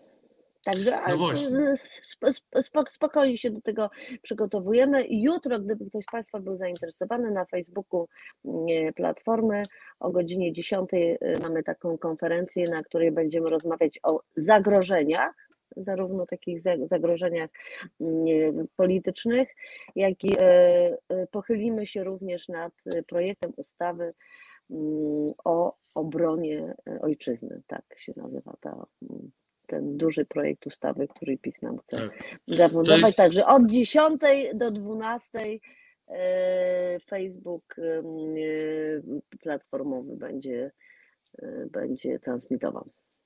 No właśnie, Także to polecam Państwu. No właśnie to polecam Państwu nie dlatego, że wiedziałem i się umówiłem z Panią y, poseł, chociaż y, to będzie ciekawe, bo wszystkim zwracam uwagę, że według prezesa NBP Adama Glapińskiego to właśnie ta ustawa powoduje, że on jest tak krytykowany, bo ludzie boją się, lud, znaczy nie wiem kto dokładnie, pewnie, może to są też reptilianie, ale boją się ustawy, o, mm, która by wzmocniła polską armię i rosnącej potęgi Polski, więc y, dlatego jest krytykowany, a nie dlatego, że jest po mhm. prostu najgorszym... I my wszyscy mu e, wierzymy, tak? Ja tak, natomiast tak, muszę tak. przyznać, że e, to Państwu muszę przyznać, że nie miałam zielonego pojęcia, że będziemy rozmawiać o dok doktrynie Gerasimowa, więc to troszkę przypadek, że mam tu przed sobą iPhone'a i wygrzebałam sobie stare notatki, ale bardzo dobrze, bo to ważna sprawa jest. Tym, tym bardziej, tym bardziej warto.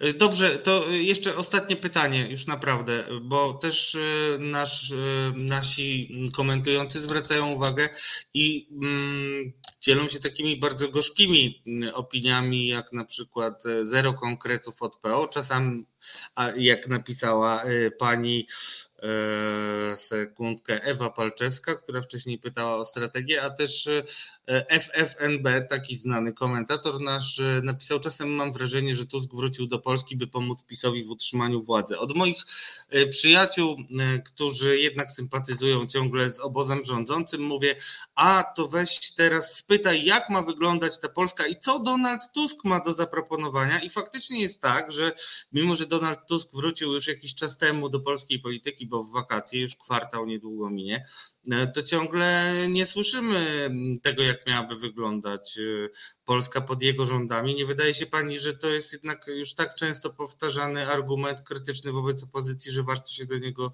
e, pozytywnie odnieść i spróbować coś takiego pokazać? Oczywiście, czy... że tak. Oczywiście, że tak. Oczywiście całą tę krytykę przyjmuję, pracujemy nad tą. Chciałabym tylko, żebyście Państwo też zrozumieli, że nawet jak my, nawet my pracujemy, tak, y, a zawsze tak jest, że jak jest się w opozycji, to, y, to ten głos jest znacznie słabiej y, słyszany. No, no, no tak to jest i, i my potrafiliśmy, no w tej chwili to może trochę wy, wygląda mm, inaczej, bo znowu, znowu pandemia wraca, ale my, my my potrafiliśmy robić w ciągu dnia, nie wiem, 8 konferencji prasowych, 10 i w ogóle nic z tego, i, i ciągle słyszeliśmy, ale dlaczego w ogóle, dla, dlaczego wy nie zabraliście głosu w tej sprawie? A się okazało, że był zabierany wielokrotnie w różnych y, mm, formułach, no tylko po prostu tak, tak jest, że, że jak jest się w opozycji, nawet jeżeli jest się takim najpoważniejszym, e, znaczy naj, no może, no może to nie jest właściwe słowo, naj, największym jej udziałowcem, tak, biorąc pod uwagę wielkość klubu mm, i tak dalej, no to, no to ten głos y, nie do końca jest słyszany.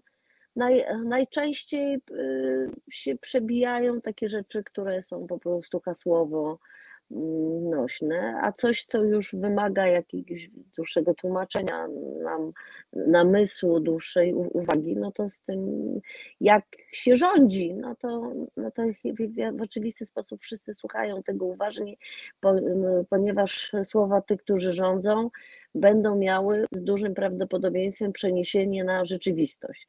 A słowa opozycji zawsze są takim rysowaniem y, przyszłości, mm, no ale jakby wi wiadomo, że co, cokolwiek w tej chwili powiemy, to, to będzie mogło się wydarzyć dopiero wtedy, jak nam się uda wygrać następne wybory, tak? No zobaczymy. Ja no nie, znaczy może być, może być z tym ciężko, może być z tym ciężko, jeżeli tak będziecie do tego podchodzić, ale ja od siebie dodaję, że rzeczywiście jest e, trochę tak, że bardzo często spotykam się e, z, w dyskusjach o opozycji z takimi przekonaniami, no ale oni nie mają żadnego programu, nie mają żadnych e, koncepcji i tak dalej, a ja niestety jako dziennikarz widzę te, te wasze wystąpienia i mam takie wrażenie, że coś tutaj nie gra przede wszystkim, że wy nie dajecie szansy opinii publicznej.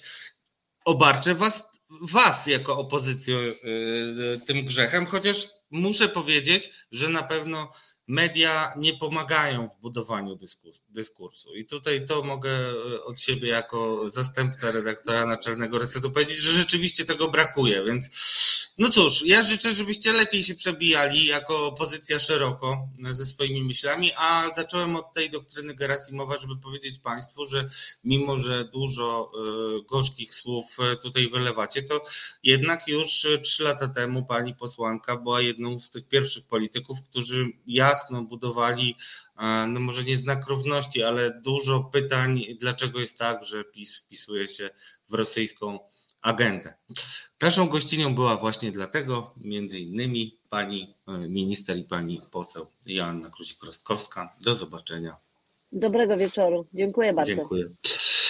Drodzy Państwo, no cóż, e, ja mam na koniec e, prawo jeszcze wygłosić e, od siebie, jako że się wprosiłem do programu i zaznaczyć, że jest to moja opinia, której nie konsultowałem z niczym.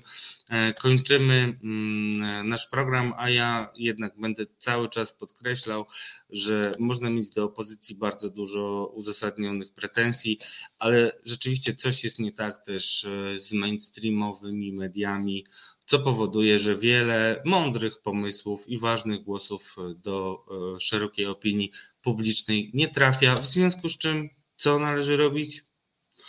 Tak, drodzy Państwo, należy wspierać wolne media, e, takie jak Reset Obywatelski, które nie tylko nie kalkulują, ale zawsze, drodzy Państwo, są wierne zasadom i mówią jak jest.